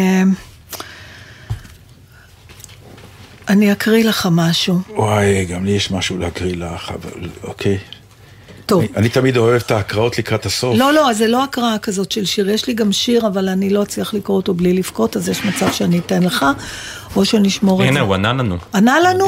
הנה, הנה, הוא ענה לנו. אז אליהו יוסיאן, נתן. אתה רואה? טוב שישראל פה. אה, אליהו יוסיאן, אתה איתנו? בוקר טוב אליהו, ממש שלום. יש- צהריים שלום טובים. לך. עמית במכון משגב לביטחון לאומי, בוגר 8200, זוכה פרס ביטחון ישראל. איזה טייטלים לאדם שהגיע לפני כמה שנים מאיראן? 2003 בגיל 23. ואיך אמ, איך עזבת את איראן? פשוט מאוד טסים לטורקיה או מדינה שלישית ומשם עולים לארץ. כלומר, באופן עקרוני כל אחד יכול לעזוב ככה את איראן? אמת. אבל הוא גם לא כל כך מהר יכול לחזור. תלוי. אה, אם התפקידים שלו לא פוליטיים, לא צבאיים בחוץ ולא עשה בלאגן למשטר האיראני, אז ברמת העיקרון יכול. ואתה יכול לחזור? ברמת העיקרון אף פעם לא חשבתי לחזור. איש נחמד. עכשיו תגיד לי בבקשה, למה כל כך רצית, אה, שלום אליהו, אה, זאת אודיה, אני לא, בכל השנים שאני משדרת עם נתן, אולי אני יכולה לספור על כף יד את כמות הפעמים שהוא ממש היה להוט לדבר עם מישהו, בדרך כלל זה אנשים שמשחקים כדורגל. אתה משחק כדורגל? אז, אז אה, נתן, בוא תצביע את אה, סקרנותנו. כן, מה, מה גרם לך פתאום? אה, כי תשמעי, אדם כמו, כמו אליהו יושב באולפנים ומספר לנו דברים שהם באים ממקום אחר, עם תרבות אחרת ועם פרשנות אחרת. ואני אשמח לשמוע קצת מה אתה אומר לנו. זה האיש עם המשפט, אתם אוכלים פה סושי בעולם שאוכל חומוס. אתם בעולם מנגב חומוס. מנגב חומוס ואתם בעולם הג'אז והבלט. כשפה רוקדים דפקות או אני לא יודע מה. שזה אבל- אומר שהסושי והבלט מפסידים? לא, זה אומר שהסושי והבלט לא מתאים בשביל לנצח את האויב שיודע לנגב חומוס. אתם, תתארו לעצמכם, אתם הולכים לרכש את המחשב ואתם ממש אוהבים את המחשב הזה. בתוך המחשב יש קופסה, יש אה, פתקית, לא יודע, חוברת, הוראת תפעול. אם אתם לא תתנהגו בהתאם להוראת תפעול, אתם לא תוכלו להשתמש במחשב הזה, או בסופו של דבר אתם תקלקלו את המחשב הזה. הוראת תפעול של מזרח התיכון הוא בשפה תיאולוגית, דתית, לאומית. אמנת חמאס מי שמכיר, אמנת פת"ח מי שמכיר, אמנת חזבאללה מי שמכיר, או אני יכול לתת עוד אינסוף דוגמאות, הן אמנות לא בנויות על פי מערביזציה, לא בנויות על בסיס מוסר, כבוד האדם, חירותו, שוויון, לא נמצא שם. זה אמנה דתית, לאומית, ולכן בשם של אלוהים שלהם, שבת בבוקר באים, שוחטים, עורפים, שורפים, אונסים, חוטפים, ומה שיכולים, עושים. וזה מה שאנחנו צריכים לעשות אבל לפי דעתך? אליהו? לא- לא. קודם כל, קודם כל בכלל מדינת ישראל צריכה ללמוד את הוראת התפעול, ללמוד אותו, להבין אותו. ברגע שמבין, לצורך הדוגמה, אני נותן אה, דוגמה אחת על הקצה של המזלג. צה"ל בא ושם לעצמו מטרה למוטט את חמאס, אוקיי? העניין הוא שחמאס לא שולט על עזה, אלא עזה חושב חמאס. היום, אז עזתים הלכו לקלפי באופן דמוקרט, בחרו חמאס. על פי נתונים, מרץ 2023, אם יהיה, שוב פעם תהיה בחירות, 65% מעזתים בוחרים חמאס. זאת אומרת, חמ... עזתים חושבים חמאס, תפיסת עולם. יותר אקוטי מזה, יהודה ושומרון, דחינו 20 שנה את הבחירות שם. אם תהיה בחירות, שוב פעם חמאס שם יעלה לשלטון. ולכן יש פה תפיסה תיאולוגית. עכשיו, מה הממשלה עושה? בא ואומר למוטט את חמאס. איך למוטט? נניח הרגנו את כל החיילים של חמאס. הרי אנחנו לא נישאר לעולמי עולם שם בשטח, נצא. והילדים האלה שחושבים חמאס גדלים, ועוד עשר שנים יש לנו עוד פעם חמאס. אז מה עשינו בזה? לכן זו תפיסה אידיאולוגית שעולם המערבי הישראלי לא מעכלת את זה. זה דוגמה אחת. עוד דוגמה, שוב פעם, שעל בסיס עולם המערבי איכות החיים הוא חשוב, ולכן העולם המערבי הישראלי בקבלת החלטות בקבינט ובממשלה, ובכלל לא חשוב אם הוא ימין או שמאל, בכלל לא רלוונטי פוליטיקה, אלא תפיסת עולם, חושב אם נותנים 500 מטר או 5 קילומטר מרחב דייק מרצים את uh, עזתים. חושבים אם מכניסים יותר כוח אדם לישראל להתפרנס, מפר... מ- מרצים את העזתים. חושבים אם מכניסים כספים קטרים לחמאס, לעזה, מרצים את העזתים. למרות שאנחנו לא מרצים אותם. כי הבעיה שלהם זה לא איכות החיים, הבעיה שלהם זה אנחנו, עצם קיומנו במקום הזה. לכן, כל מה שאנחנו נותנים לצד השני, לא שאנחנו לא מרצים אותו, אפילו אנחנו מחזקים את האויב. ולכן, אחד, אליהו יוסיאן אומר, קודם כל צריך ללמוד אותם. קודם כל צריך להבין מה הם חושבים, במה הם מאמינים. בדבר כזה, בשביל ללמוד, צריך להתחיל מבתי ספר.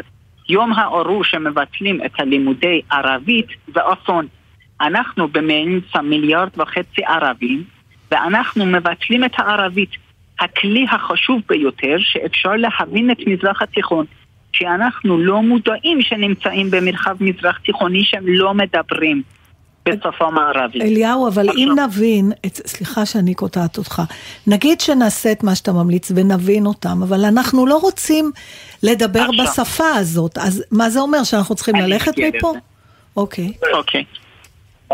אחרי שאנחנו מבינים, מגיע שלב השני, הכלה. הבנתי. אוקיי, הבנתי שפה לא מערביזציה, הבנתי אותו. עכשיו בתהליך השני, הכלה. ומה זה אומר הכלה? לצורך הדוגמה, כפר עזה, שעבר אסון כזה, זה אותו כפר שלפני שנתיים היו מקימים יום אה, זיכרון אה, אלטרנטיבי עם עזתים, אוקיי? אם היו יודעים כמה צד השני מסוכן, משפחת נרצחת לא הייתה יושבת עם משפחת רוצחת לבכות על אסון. כי צד אחד הוא טרוריסט, ואני, במובן הלאומי, לא יכול לשבת עם הטרוריסט ולהזדהות על אותו כאב. זה נקרא, זה נקרא פגיעה או טשטוש ערכים. ברגע ששני הצדדים אויבים יושבים אחד עם השני, אני פוגע בצדקת הדרך שלי. אני מטשטש את האמת שלי. מחר בבוקר הילד הזה מכפר גזה עולה לקרבי, ואת אותו מוחמד רואה בצד השני. האם זה לא פוגע בתפקוד שלו? בהחלט שפוגע בתפקוד שלו. כי הוא בכה איתו לפני יום, כי הוא הזדהה עם הטרוריסט לפני יום. ולכן חלק הראשון היה ללמוד. חלק השני, שלב השני, להכיל, להפנים בכלל, להפנים את האירוע שהוא אויב. זה חלק השני. חלק השלישי, עכשיו איך לטפל בהם. למדנו, בסדר, חלק הראשון הבנו אותם, חלק השני הפנמנו אותם. במזרח התיכון לא מדברים צ'כו. במזרח התיכון לא אוכלים סושי, מנגבים חומוס, זה תרבות אחרת. במזרח התיכון חמינאי מדבר, חומייני מדבר, ארדואן מדבר, פוטין מדבר, קרזאווי מדבר, שייח' אחמד יאסין דיבר, זה תפיסת עולם. אנחנו חייבים להילחם על בסיס כללים האלה. אם אנחנו לא נילחם על בסיס כללים האלה, אנחנו לא נשרוד. כמובן, אני לא אומר צריך לערוף ראשים, אני לא אומר צריך לאנוס נשים, לא, אבל אני אומר, ברגע שיש צד שני, צריך להבין הצד השני, אין אצלו ילד כיתה א'. אצלנו יש כאלה ילד כיתה א' שהוא לומד. אצלהם ילד כיתה א', הם מלמדים אותו איך להשתמש בקלצ'ינקוף ו-M16. אצלנו יש אנשים חפים מפשע. אצלהם אנשים, נשים וגברים כאחד. ברגע שאנחנו נרצחים, מחלקים סוכריות שם. זאת אומרת, הם חלק מהאויבים שלנו. זה אומר, אין חף מפשע בצד השני. לא קיים חף מפשע. צריך להוריד מהלקסיקון הזה חפים מפשע. ברגע שמבינים אין חף מפשע, זה אומר לעשות הקש בגג על בסיס הנחיות צה"ליות זה דבר טיפשי וארור. הקש בגג אומר, אני קודם כל מעדכן את השכונה שיצאו מהבתים, אחר כך אני מפציץ.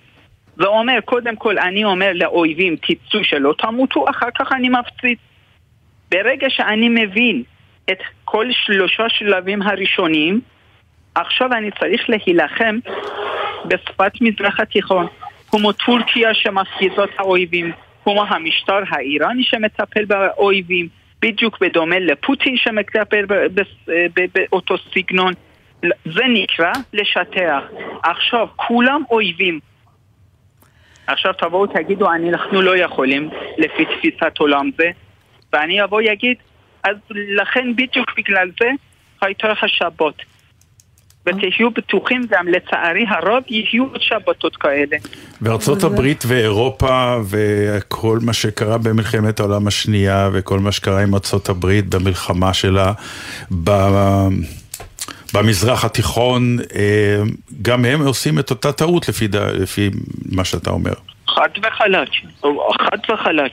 הם בצורה נאורה ומערבית הפילו את סדאם חוסיין הדיקטטור. ובצורה מערבית נתנו לעם העיראקי ללכת לקלפי. הם הלכו לקלפי, חלק ניכר מהם יושבים עם איראנים. במצרים הפילו את מובארק. שלחו את המצרים לקלפי בצורה נאורה ודמוקרטית. הם בחרו באחים המוסלמים. אותו דבר, ברור. כי הדיסקט הוא לא נכון. אנחנו לא במערב. אנחנו, גם אמריקאים שמגיעים למזרח התיכון, כל הערכות מצב שלהם, בדומה לשלנו, מתפקשש. כי אנחנו מסתכלים על אירועים, כולל אמריקאים כמובן, כולל כן. כל העולם המערבי. השמעת- את הדברים האלה לאנשים אה, בעלי אה, אה, שררה, שלטון ויכולת החלטה? ברמת העיקרון, כמה שנוגע לשולחן של אליהו יוסיאן, אני משמיע את קולי מקצה לקצה כמה שאני יכול. אממה, ישראלים נמצאים בפרדוקס תרבותי. אפילו בשלב הראשון, אם מישהו יכול להעיז ולהגיד שאני צודק, בשלב השני ביישום הם תקועים. כי כל הישראלים גדלו על בסיס ערכים של שוויון, כבוד האדם וחירותו. עכשיו הוא רמטכ"ל, עכשיו הוא יושב בקבינט, הוא צריך לדרוס את כל הערכים שהוא האמין בו. הוא נמצא במלכודת תרבותית בכלל. אבל זה מה שעידית אומר- אמרה, אה, מי שדיברנו איתה קודם, היא אמרה, בסוף יגיע היום שאחרי, ואנחנו צריכים להישאר אנחנו. אתה בעצם אומר לנו להפסיק להיות אנחנו, להיות משהו אחר. לא, זה לא משהו אחר. אתם עכשיו, כל מי שדוגל במערביזציה הוא לא אנחנו, הוא משהו אחר. אנחנו במזרח התיכון צריכים להיות אנחנו, מזרח תיכוני. זה שאנחנו רוצים להביא סושי מקצה של השני של העולם עם ג'אז לפה, פה לא אוכלים סושי אלא מנגבים חומוס. פה לא שומעים ג'אז, אלא שומעים אה, אום אל כולסום. זה בדיוק העניין. התפיסה המערבית זה לא אנחנו. בוא נגיד, גם היפנים שאכלו סושי לא בדיוק היו... לא, נתתי דוגמאות סושי, לא יודע, משום מה אותו יום יצא לי מפי סושי, אבל אתה מוזמן. למה לא גונדי? גונדי יותר טעים. אז העניין הוא, מה שהבאנו, הערכים האלה, הערכים האלה לא מתאימים לפה, האזור לא משתנה, אנחנו צריכים להשתנות. וכמובן גם, אנחנו בדרך להשתנות, אני אומר את זה. אוי, זה עושה לי רע קצת, מה שאתה אומר. לא, זאת המציאות, מרץ לא עברה את אחוז החסימה. לא, אבל יש איזה מרווח בין מרץ לבין מה שאתה... מגיע. בין להיות חמאס. לא? אני מגיע. עוד, עוד 30 שניות. טוב. ומפלגת העבודה בקושי גירדה את אחוז החסימה, שבע מנדטים בערך. לעומת זאת, מפלגות כמו עוצמה יהודית וציונות הדתית, הם פי שניים ממפלגת העבודה הביאו מנדטים. זה לא קשור לפוליטיקה, אלא העם לאט לאט שובר ימינה. בימין הדגם המזרח תיכוני. היום מי ש- אה, שמלמדים באמ"ן או כל מיני גופים אחרים קורסים על איראן, אה, מלמדים את בסיג', שיש בסיג' כוחות חמושים אה, שהמשטר משתמש בהם במתנדבים כדי לשמר על שלטונו. והישראלים לוקחים את בסיג' כגוף פסול. אבל אני בא ומעדכן את הישראלים, אנחנו גם לאט לאט מקימים בסיג', בסיג' יהודי, יש לנו כיתות כוננות, אנחנו משחררים יותר נשק ליהודים, זה בסיג' היהודי. הם, המוסלמים, האיראנים, יש להם בסיג' כוחות מתנדבים כדי לשמר על רעיון שקוראים לרעיון הזה הרפובליקה האסלאמית. אנחנו פה משחררים נשק כדי לשמר על רעיון שלרעיון הזה קוראים מדינה יהודית. ולכן לאט לאט אנחנו, לצערי לאט לאט, אנחנו מבינים שאנחנו במזרח התיכון ואין לנו ברירה חוץ מלהתאים את עצמנו לאזור. כי אם לא, ישמידו אותנו עד האחרון. שאלה אחרונה, אליהו, אה, לאור הופעותיך בטלוויזיה, אתה מסתובב ברחובות, אה, איך מגיבים אליך? ברמת העיקרון, לא רק רחובות, התגובות כאן, איזה לילה ישבתי ופתחתי טופס אקסל וחילקתי את כל התגובות. עשיתי, בוא נגיד, אנליזה של תגובות. 40 אחוז, 50 אחוז באופן מובהק הם מזדהים עם האמירות שלי ומוכנים ליישם את האמירות שלי. אוקיי. 20-30 אחוז הם מבינים את האמירות שלי, מסכימים עם האמירות שלי, אבל לא מוכנים ליישם אותו, כי אומרים, אנחנו לא רוצים להיות הם, או אנחנו לא גדלנו על בסיס הערכים האלה. ואיזה 10 אחוז גם אני מקבל uh, בכבוד רב וקללות מקצה לקצה. טוב, תשמע, אה, אני אנחנו, שמח אני... להגיד, זה לא, זה לא המילה הנכונה, אבל אה, זה דברים שרצים ודברים שצריכים להישמע לפי דעתי, אה, וכל אחד יעשה איתם מה, ש, מה שהוא חושב, אבל אה, הבאת דברים בנימוק מאוד גדול. אני מוכרח לומר שהמון פעמים ישבתי מולך, אודיה, את זוכרת, ואמרתי לך, המון פעמים, עוד לפני שפגשתי את האיש, ואמרתי לך, תשמעי, יש לנו, הרי כשאנחנו, כשאיש עסקים נוסע ליפן, אז הוא עובר קורס לקודים יפנים, כדי שהעסק שלו יקרה. כשהוא הולך לפגוש יפני, אז הוא צריך לא לגעת בו, הוא צריך לעשות קידה, כל מיני דברים כדי uh, שהעסק יקרה, שהדיל יקרה. וזה נשמע לנו מובן מאליו, וכמה פעמים אמרת לך שאחד הבעיות היא שאנחנו המון פעמים לא מדברים בקודים. של אפילו הנימוס האלמנטרי, של הכבוד שנקרא המזרח התיכון. ועכשיו בא אני... אליהו ונותן אה, תיאוריות יותר קשות משלי בהרבה כמובן. יש לי הרבה מה להגיד על זה, אני אגיד משפט אחד, אליהו, היה מרתק לשמוע אותך ואני כל כך מקווה שאתה טועה.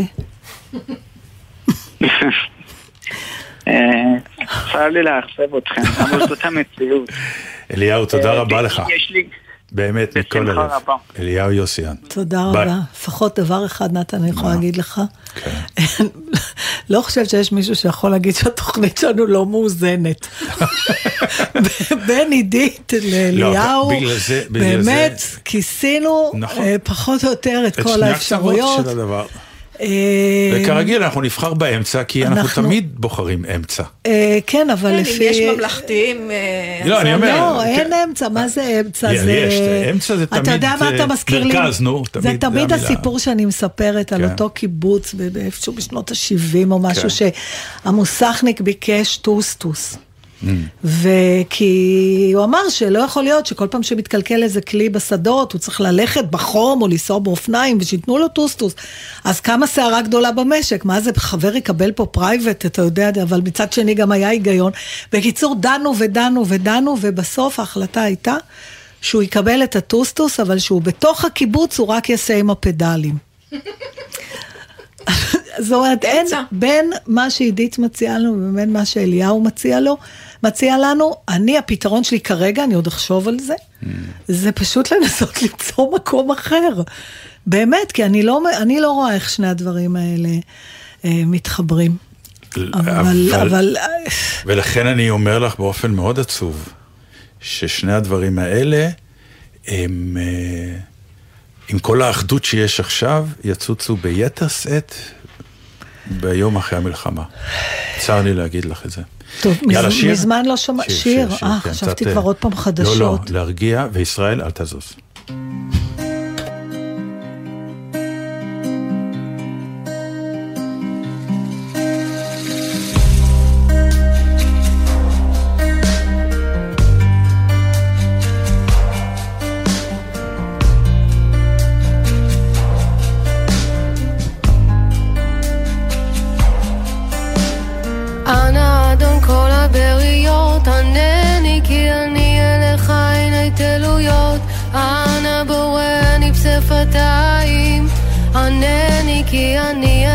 שיתחתי כפיים. אנא גיבור ונורא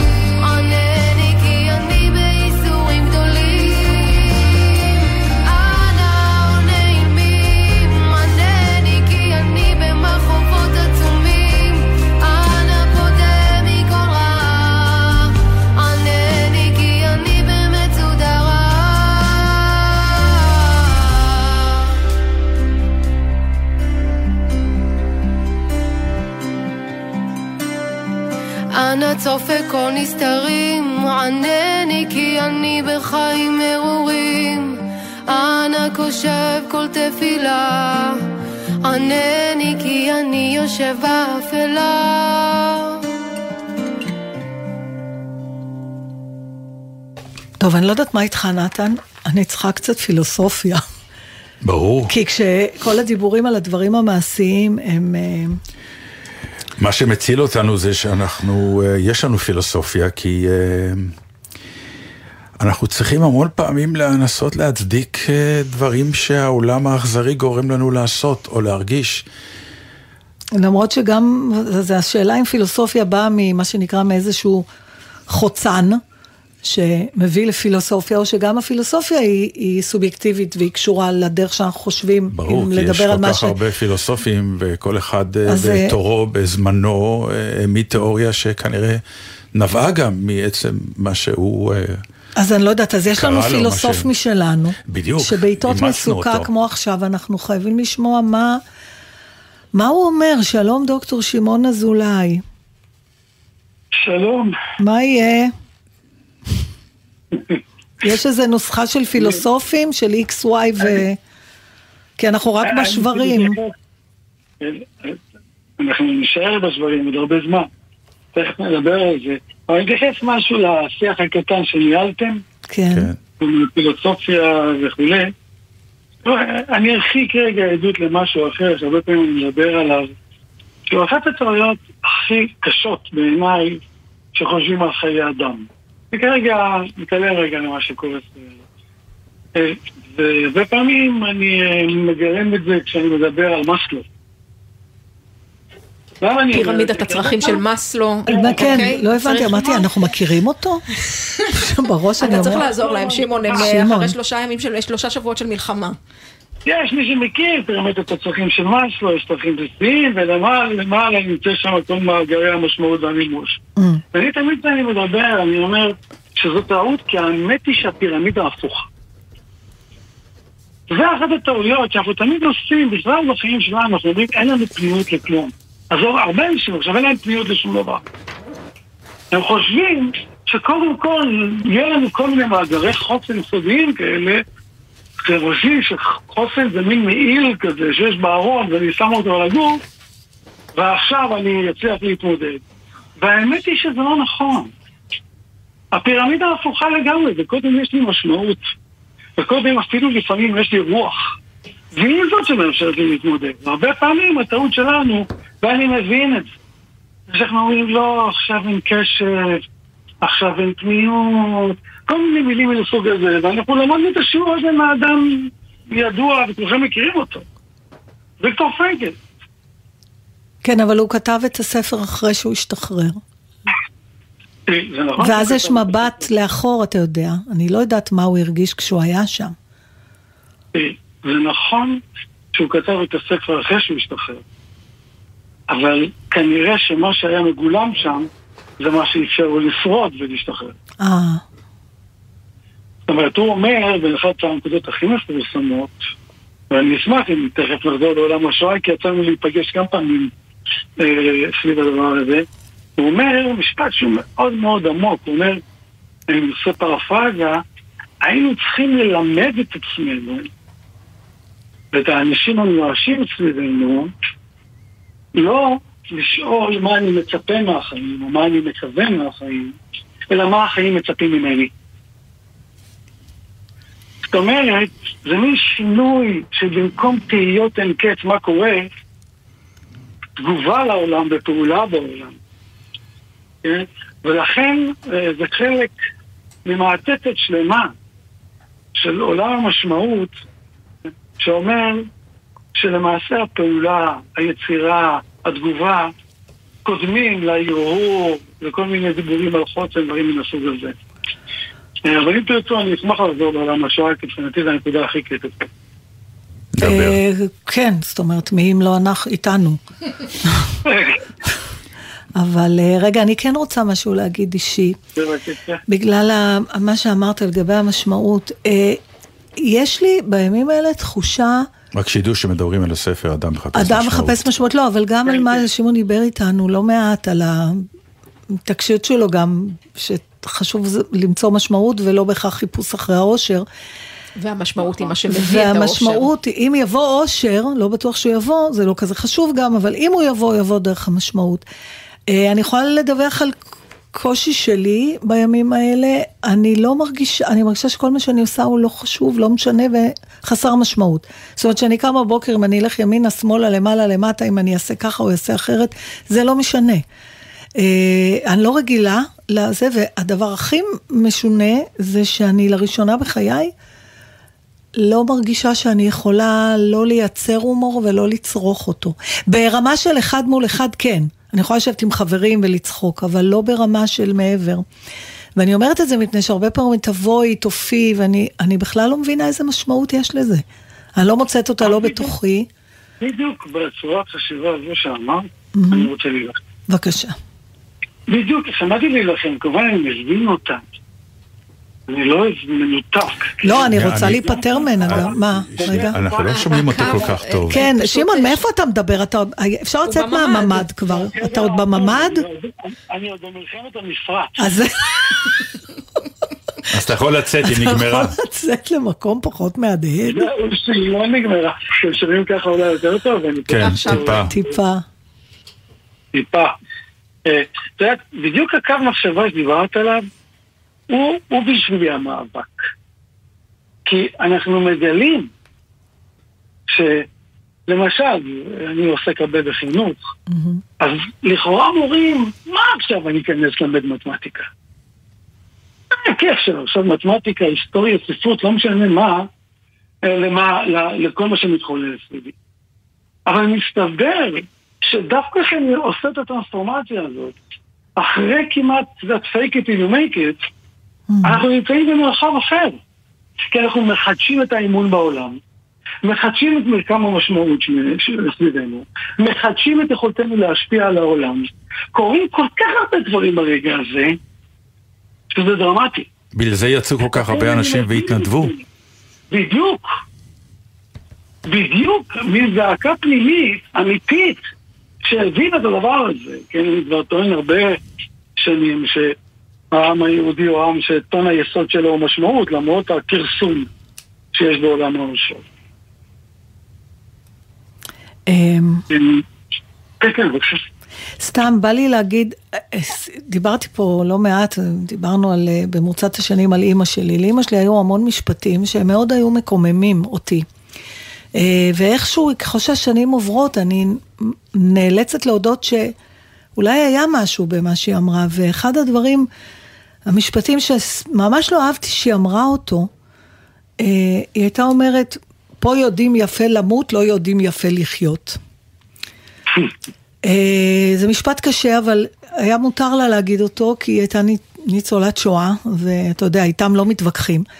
אבל היה משהו שהיא ראתה פה, אה, והיא הגיעה לארץ ב-51, אז היו כמה וכמה מלחמות וצרות ובעיות, והיא ואנחנו מדברים על זה גם היום, על, ההתח... על הייחוד המטורף של העם הזאת, העם הזה, והנכונות לעזור אחד לשני, ומיד ראית כל החילוקי דעות נעלמו, אבל זה רק ש... סכנת מוות, ואחר כך כשכאילו אין סכנה קיומית... הכל יחזור. אז מה, מה, אני לא רוצה את זה יותר, למשל. אז תראי, פה, את נוגעת בדבר שאולי הוא הכי כואב לי. ואני אגיד לך מאיזה היבט, וזה קשור כמובן לעולם השואה. תראי, תראו, סליחה. במובן עמוק חזרנו לעולם השואה. במובן מסוים, אנחנו מבינים מה הם הרגישו. מה שאין סיפורים לא נותנים לי להרגיש. אנחנו מרגישים פירוק אמיתי, אמיתי, של כל המציאות. כן? זה לא איזה סתם משהו, זה חרדת קיום אמיתית שהייתה מוכרת לנו מסיפורים. עכשיו, ממה מה מכעיס אותי? שלא באמת היסטורית, ואני מרצה ומנסה לעשות את זה ולדבר על זה, לא באמת הבנו, הפנמנו, עשינו את התהליך הנכון, העמוק, סביב עולם השואה. פשוט זה, ה-never again, אתה אוכל לסמך חלולה. אני תמיד, אתה יודע, אני אגיד כמה משפטים, כמובן הכל, אה, אני אגיד את זה בהכי הגינות שאפשר, אבל כשאני תמיד כשאני מרצה על השואה, אני אומר, אסור לנו להשאיר את השואה בידי ההיסטוריונים. כי זה מה שיקרה. אנחנו לא נפנים באמת את התיקון שצריך לעלות ממנו, ולא הפנמנו גם. אבל כולם יגידו לך, די, עוד פעם, בוא, אנחנו מוכרחים כבר לעזוב את השואה הזאת, כי אנחנו צריכים להסתכל קדימה, ואנחנו עם חזק, ואנחנו כבר עם מדינה, השואה זה היה גלות, אנחנו בכלל במקום אחר, והנה כנראה שלא. זה, זה בדיוק, מה שאתה אומר עכשיו, זה מה שקורה אותי. אתה יודע, אני מרצה, כשאני מציע לארגון, אתם יודעים, יש הרצאות, הרצאות הפילוסופיה של השואה, אומרים לי, בחייאת, עזוב אותי בשקט. עכשיו, אני מבין גם למה. עכשיו, אני רוצה, אם יש לי דקה, להגיד לכם איפה זה המ- המקום שהוא הכי כואב לי. קח דקה. תראו, בהרבה מאוד מובנים, אנחנו ראינו בעצמנו צל של נאצים. ובמובן מסוים איבדנו שריר, או חזרנו, סליחה, לשריר מאוד גלותי בשלושים השנים האחרונות. א' ב' יהושע אמר אה, באמירה מטלטלת שלו, שהשואה היא כישלון של העם היהודי. עכשיו כמובן אני לא מאשים פה את הקורבן, אבל מה שהוא מנסה להגיד, שמשהו בהגיונות הפנימיים של העם היהודי נפגם. היה פגום וצריך לתקן אותו. הוא בעיקר מתכוון לאקטיביות, להתנגדות. ותראו, מה שקרה לנו בשלושים שנה האחרונות, מכל מיני סיבות, שלא קשור לפוליטיקה.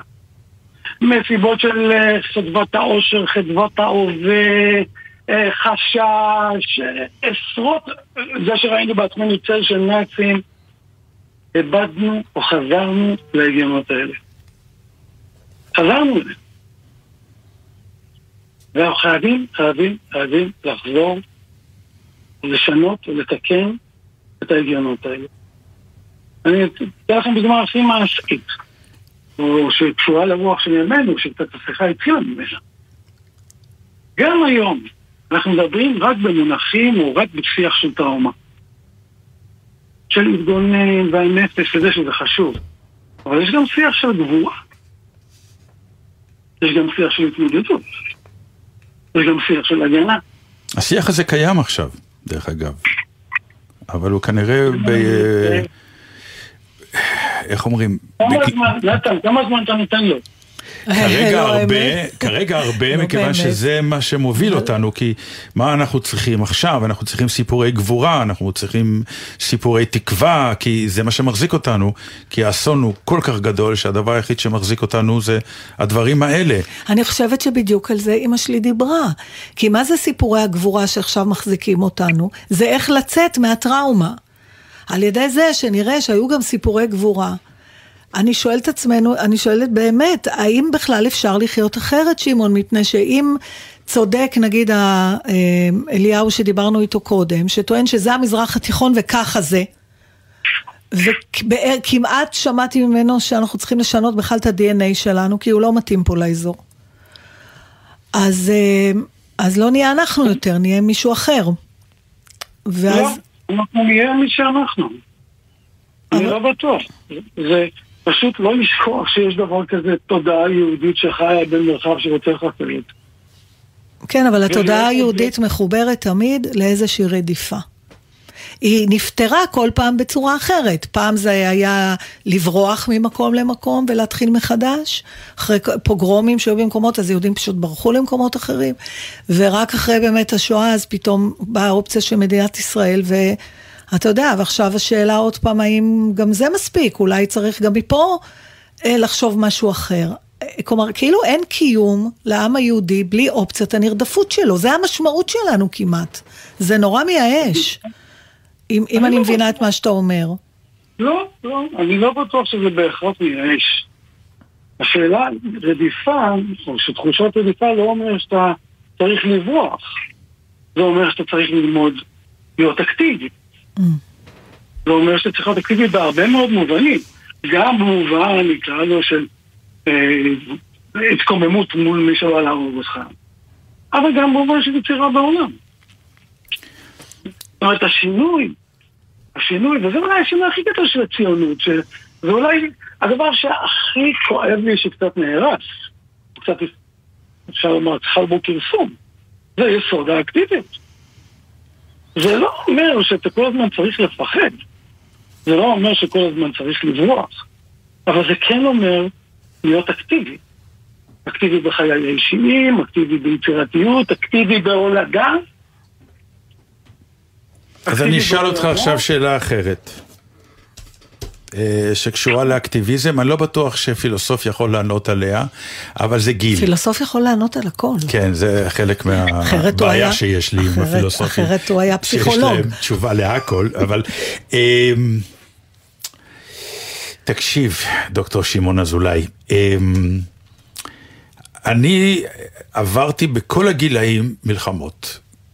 פשוט לא יאומן, כשיום אחד אתה מסתכל על ההיסטוריה ואתה אומר, אה, כשהייתי ילד אני זוכר שאחותי לקחה אותי מבית ספר כי אימא נורא דואגת כי התחילה מלחמת ששת הימים. נולדתי במלחמת סיני, הלידה הייתה ב-56. להורים שעברו את מלחמת העולם השנייה. להורים שעברו את מלחמת העולם השנייה, כן? אבל אני אישית, מה שנקרא, עברתי את כל המלחמות מ-67 עד עכשיו, ואני גדל. והנה הגעתי למלחמה הזאת, שיש ויכוח על השם שלה כמובן, כי הוא, כמו שכולם צוחקים, לא תפס. חרבות ברזל, זה השם, נכון? כן. אמ, והנה אני מוצא את עצמי יושב בבית, ואתה מדבר על אקטיביזם, ואני אומר, די, אני הייתי אקטיביסט כמעט בכל המלחמות, בכל כיוון, ואני יושב עכשיו בבית, די משתבלל יחסית, ואומר, אמ, תנו לצעירים לעשות את העבודה, אני את שלי תרמתי בכל המלחמות. אני טועה, אני לא חושב שזה. תודה, אני נעצור פה. חושבת שכן. אני חושבת שכן. אני בעד שמעון, אני- פילוסוף ענה שלא. בוא- מה? בוא- בוא נבדיל, בוא נבדיל בין שני דברים. Mm. אני לא מצפה ממך לרוץ עכשיו על הגדרות בעזה. לא, לא, ברור, אבל אני אומר, אנשים אני לא במקצוע הייתי שלי... מצפה מזה מנתן, בוא נסדר משהו, זה גם לא, לא, אף פעם לא ציפינו מנתן לרוץ על הגדרות. אני רצתי... אבל אה, אני מצפה ממנו, במלחמת לבנון, אמנם נכון. לא בגדרות, אבל אה, עם אוטו, אה, שכפ"ץ, קפלד, אה, עוזי, שהיה בבגאז', כי... לא חשבתי לא אחרת. חשבנו, לא חשוב, נעצור פה, כן, אבל... שמעון. אני כן מצפה, למשהו אחד. כן, מה? ל- לזה שלנתן יש משהו ייחודי שהוא יודע לתת לעולם. אני לא רוצה שהוא יישב וישאל את עצמו רגע, אני משתבלל, מסתגר, קורא, ושואל את עצמי מה העולם ייתן לי. אלא שהוא ישאל את עצמו, שאלה, מה הדבר הקטן שהוא נתן, שעכשיו אני יכול לתרום? התוכנית הזאת בעיניי היא ה- היא זה לא. מספיק, אתה תלך לשיר בלובים של מלונות. אבל באמת... אם אה, אני יכולתי לעשות שעת סיפור לילדים, אתה יכול לשיר. בסדר, אבל זה לא תחרות, הוא כרגע מדבר... רגע. מה, מה? מה שאנשים לא מבינים, שהדבר הקטן הזה, הוא מחדש את האמון שלי בעולם. זה מה שהתפרק, הוא מחדש את היכולת שלי להשפיע על העולם. הוא מחדש את הביטחון שלי בעולם. ולכן זה נראה לך קטן, אבל זה לא. אני מאוד מודה לך, ואני, אה, איך אומרים, אם אה, אודיה תגיד משהו או אשתי, אז אני אנפנף במה שאמרת לי עכשיו. זה נשמע לי גם מאוד משכנע. שמעון אזולאי, נעמת לנו מאוד, תודה. מאוד, תודה רבה רבה לך. השם ישמור את כולנו. אמן. אמן.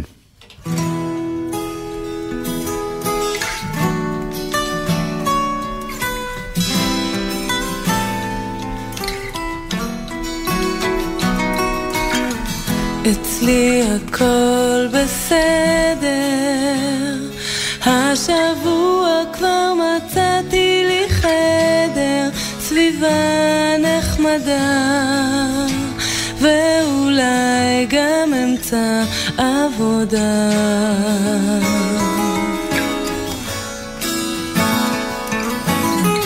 על גג כניסה נפרדת, קצת דחו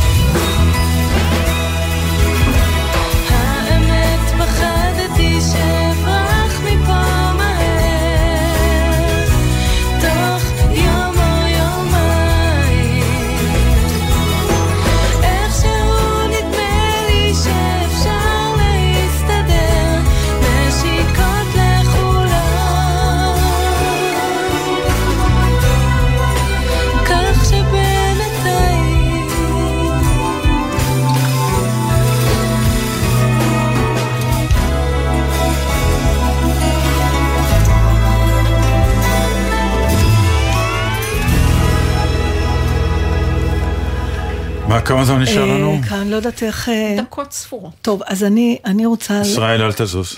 ישראל, אל תזוז. לא זז, שקט. תודה. אמ, אנחנו התוודענו לכל מיני עדויות קצת אה, באיחור, בגלל שהגענו לארץ אחרי הכל, ואחד הדברים שראיתי לא בזמן אמת היה אה, באמת את אותו וידאו עם רחל אדרי מאופקים, עם העוגיות, שאחרי זה היו עוד רעיונות איתה, אבל היה את הוידאו הראשוני, שבו היא... אה, משוחררת, ובנה, שהוא שוטר ופחות או יותר היה חלק ממבצע החילוץ, נמצא שם ותופס אותה. ו... והיה נדמה לי ששמעתי איזה משהו שהיא אמרה, אבל אמרתי, באיז... אתה יודע, הדחקתי את זה כאילו, ופתאום אה, היום, או לפני יומיים, סליחה, ראיתי פוסט שכתבה הילה בלום. והיא מדברת על, על כמה זה זיקק בשבילה את מה שרחל אדרי אה, אמרה. והיא מתארת איך אה, היא התמוטטה בזעקות שבר של הכלה הישר אל זרועות החיילים וזרועות הבן שלה, ורק אחרי שהבן הבטיח לה בצעקה כדי שתצליח להפנים את מה שנאמר לה ותאמין לו שגם אביו חולץ והוא בחיים, היא הצליחה להקשיב לשאלות על שלומה, היה שם פרמדיק. והפרמדיק שאל אותה, איפה כואב לך? יש לך מכות? משהו? והיא ענתה לו, אין לי את עצמי. זה המשפט הראשון שיצא לה מהפה. אין לי את עצמי. והילה מדברת על התחושה הזאת שבאה והולכת, ואולי זה מתחבר לכל מה ששמענו. כאילו אין לנו את עצמנו, אנחנו עכשיו מנסים להבין מי זה עצמנו הזה מחדש, מצד אחד מפחדים שלא נהיה אנחנו, עצמנו כאנשים ועצמנו כעם. כעם, כאנשים, כהורים, ככל מיני דברים, זהו. אז אה, תודה הילה ש... אפרופו, דרך אגב, קליפ, שגרמת לי להבין שלא דמיינתי. הקליפ הבאמת מדהים והנוראי, שבו רואים את האנשים נהנים במסיבה הזאת, הגדולה, כן, מסיבת נובה. ערוץ 12 עשו את זה, כן. קוריאה. אז אה, אני מאוד ממליץ לראות אה, ולשלוח כמה שיותר, לעשות share כמה שיותר, כי הוא באמת מגיע ממחוזות אחרים ונוגע ללב בצביטה איומה. לסיום, יש לנו זמן לקרוא את אודי שרבני? שיש שתי דקות. ששנינו הבאנו? כן, כל אחד הביא מהסיבות שלו, והבנו ש... אני הבאתי מהסיבות שלך. אודי שרבני, עד שיגיע התחקיר, הוא כותב. אני צריך לכתוב הספד על מישהו שאני לא מכיר מקיבוץ בארי. פנו אליי, ולעוד כותבים, כי אין זמן ואין מי, וצריך מילה, מילים, הספדים. תכף ישלחו לי תחקיר. בינתיים שלחו לי תמונה. לפני כן עורך אחד שלח לי שם אחד. עורכת אחרת שלחה לי שם אחר. יש עומס על המערכת, תבורך המערכת הזאת. בסוף הם הסתכרנו. אני אכתוב על אריק ולא על טל, כמו שאמרו לי בהתחלה. עד שיגיע התחקיר, אני מסתכל על האדם שנרצח. שלחו לי תמונה. אני מסתכל עליו, אבל חושב על השם שלא אכתוב עליו. אני כמעט עושה משא ומתן עם עצמי על מי מהם היה יכול להיות חבר שלי. הייתי רוצה להכיר את שניהם. הייתי רוצה להכיר את כולם. זהו, עד כאן. אודיה קורן, נתן דטנר, ענבל גזית, אה, נועה נווה, נועה בלויטה וגיא אדלר, טכנאים יואב בנדלוביץ' וליאם גל, פיקוח גם ג'קסון. ותודה לישראל פישר שאירח לנו לחברה. ושכל היינו צריכים זמן... לחשוב על זה בשתיים, נכון. על הפטנט הזה כבר. תקשיבו, כל אורחי אבל המהדורות. אמרתי לך בחוץ. שישראל פישר יושב איתכם, הכל שקט ורגוע. שיהיה לנו שבת שלום, שבת שבת שקטה. שלום במיוחד לאימא של ישראל. נכון. ביי.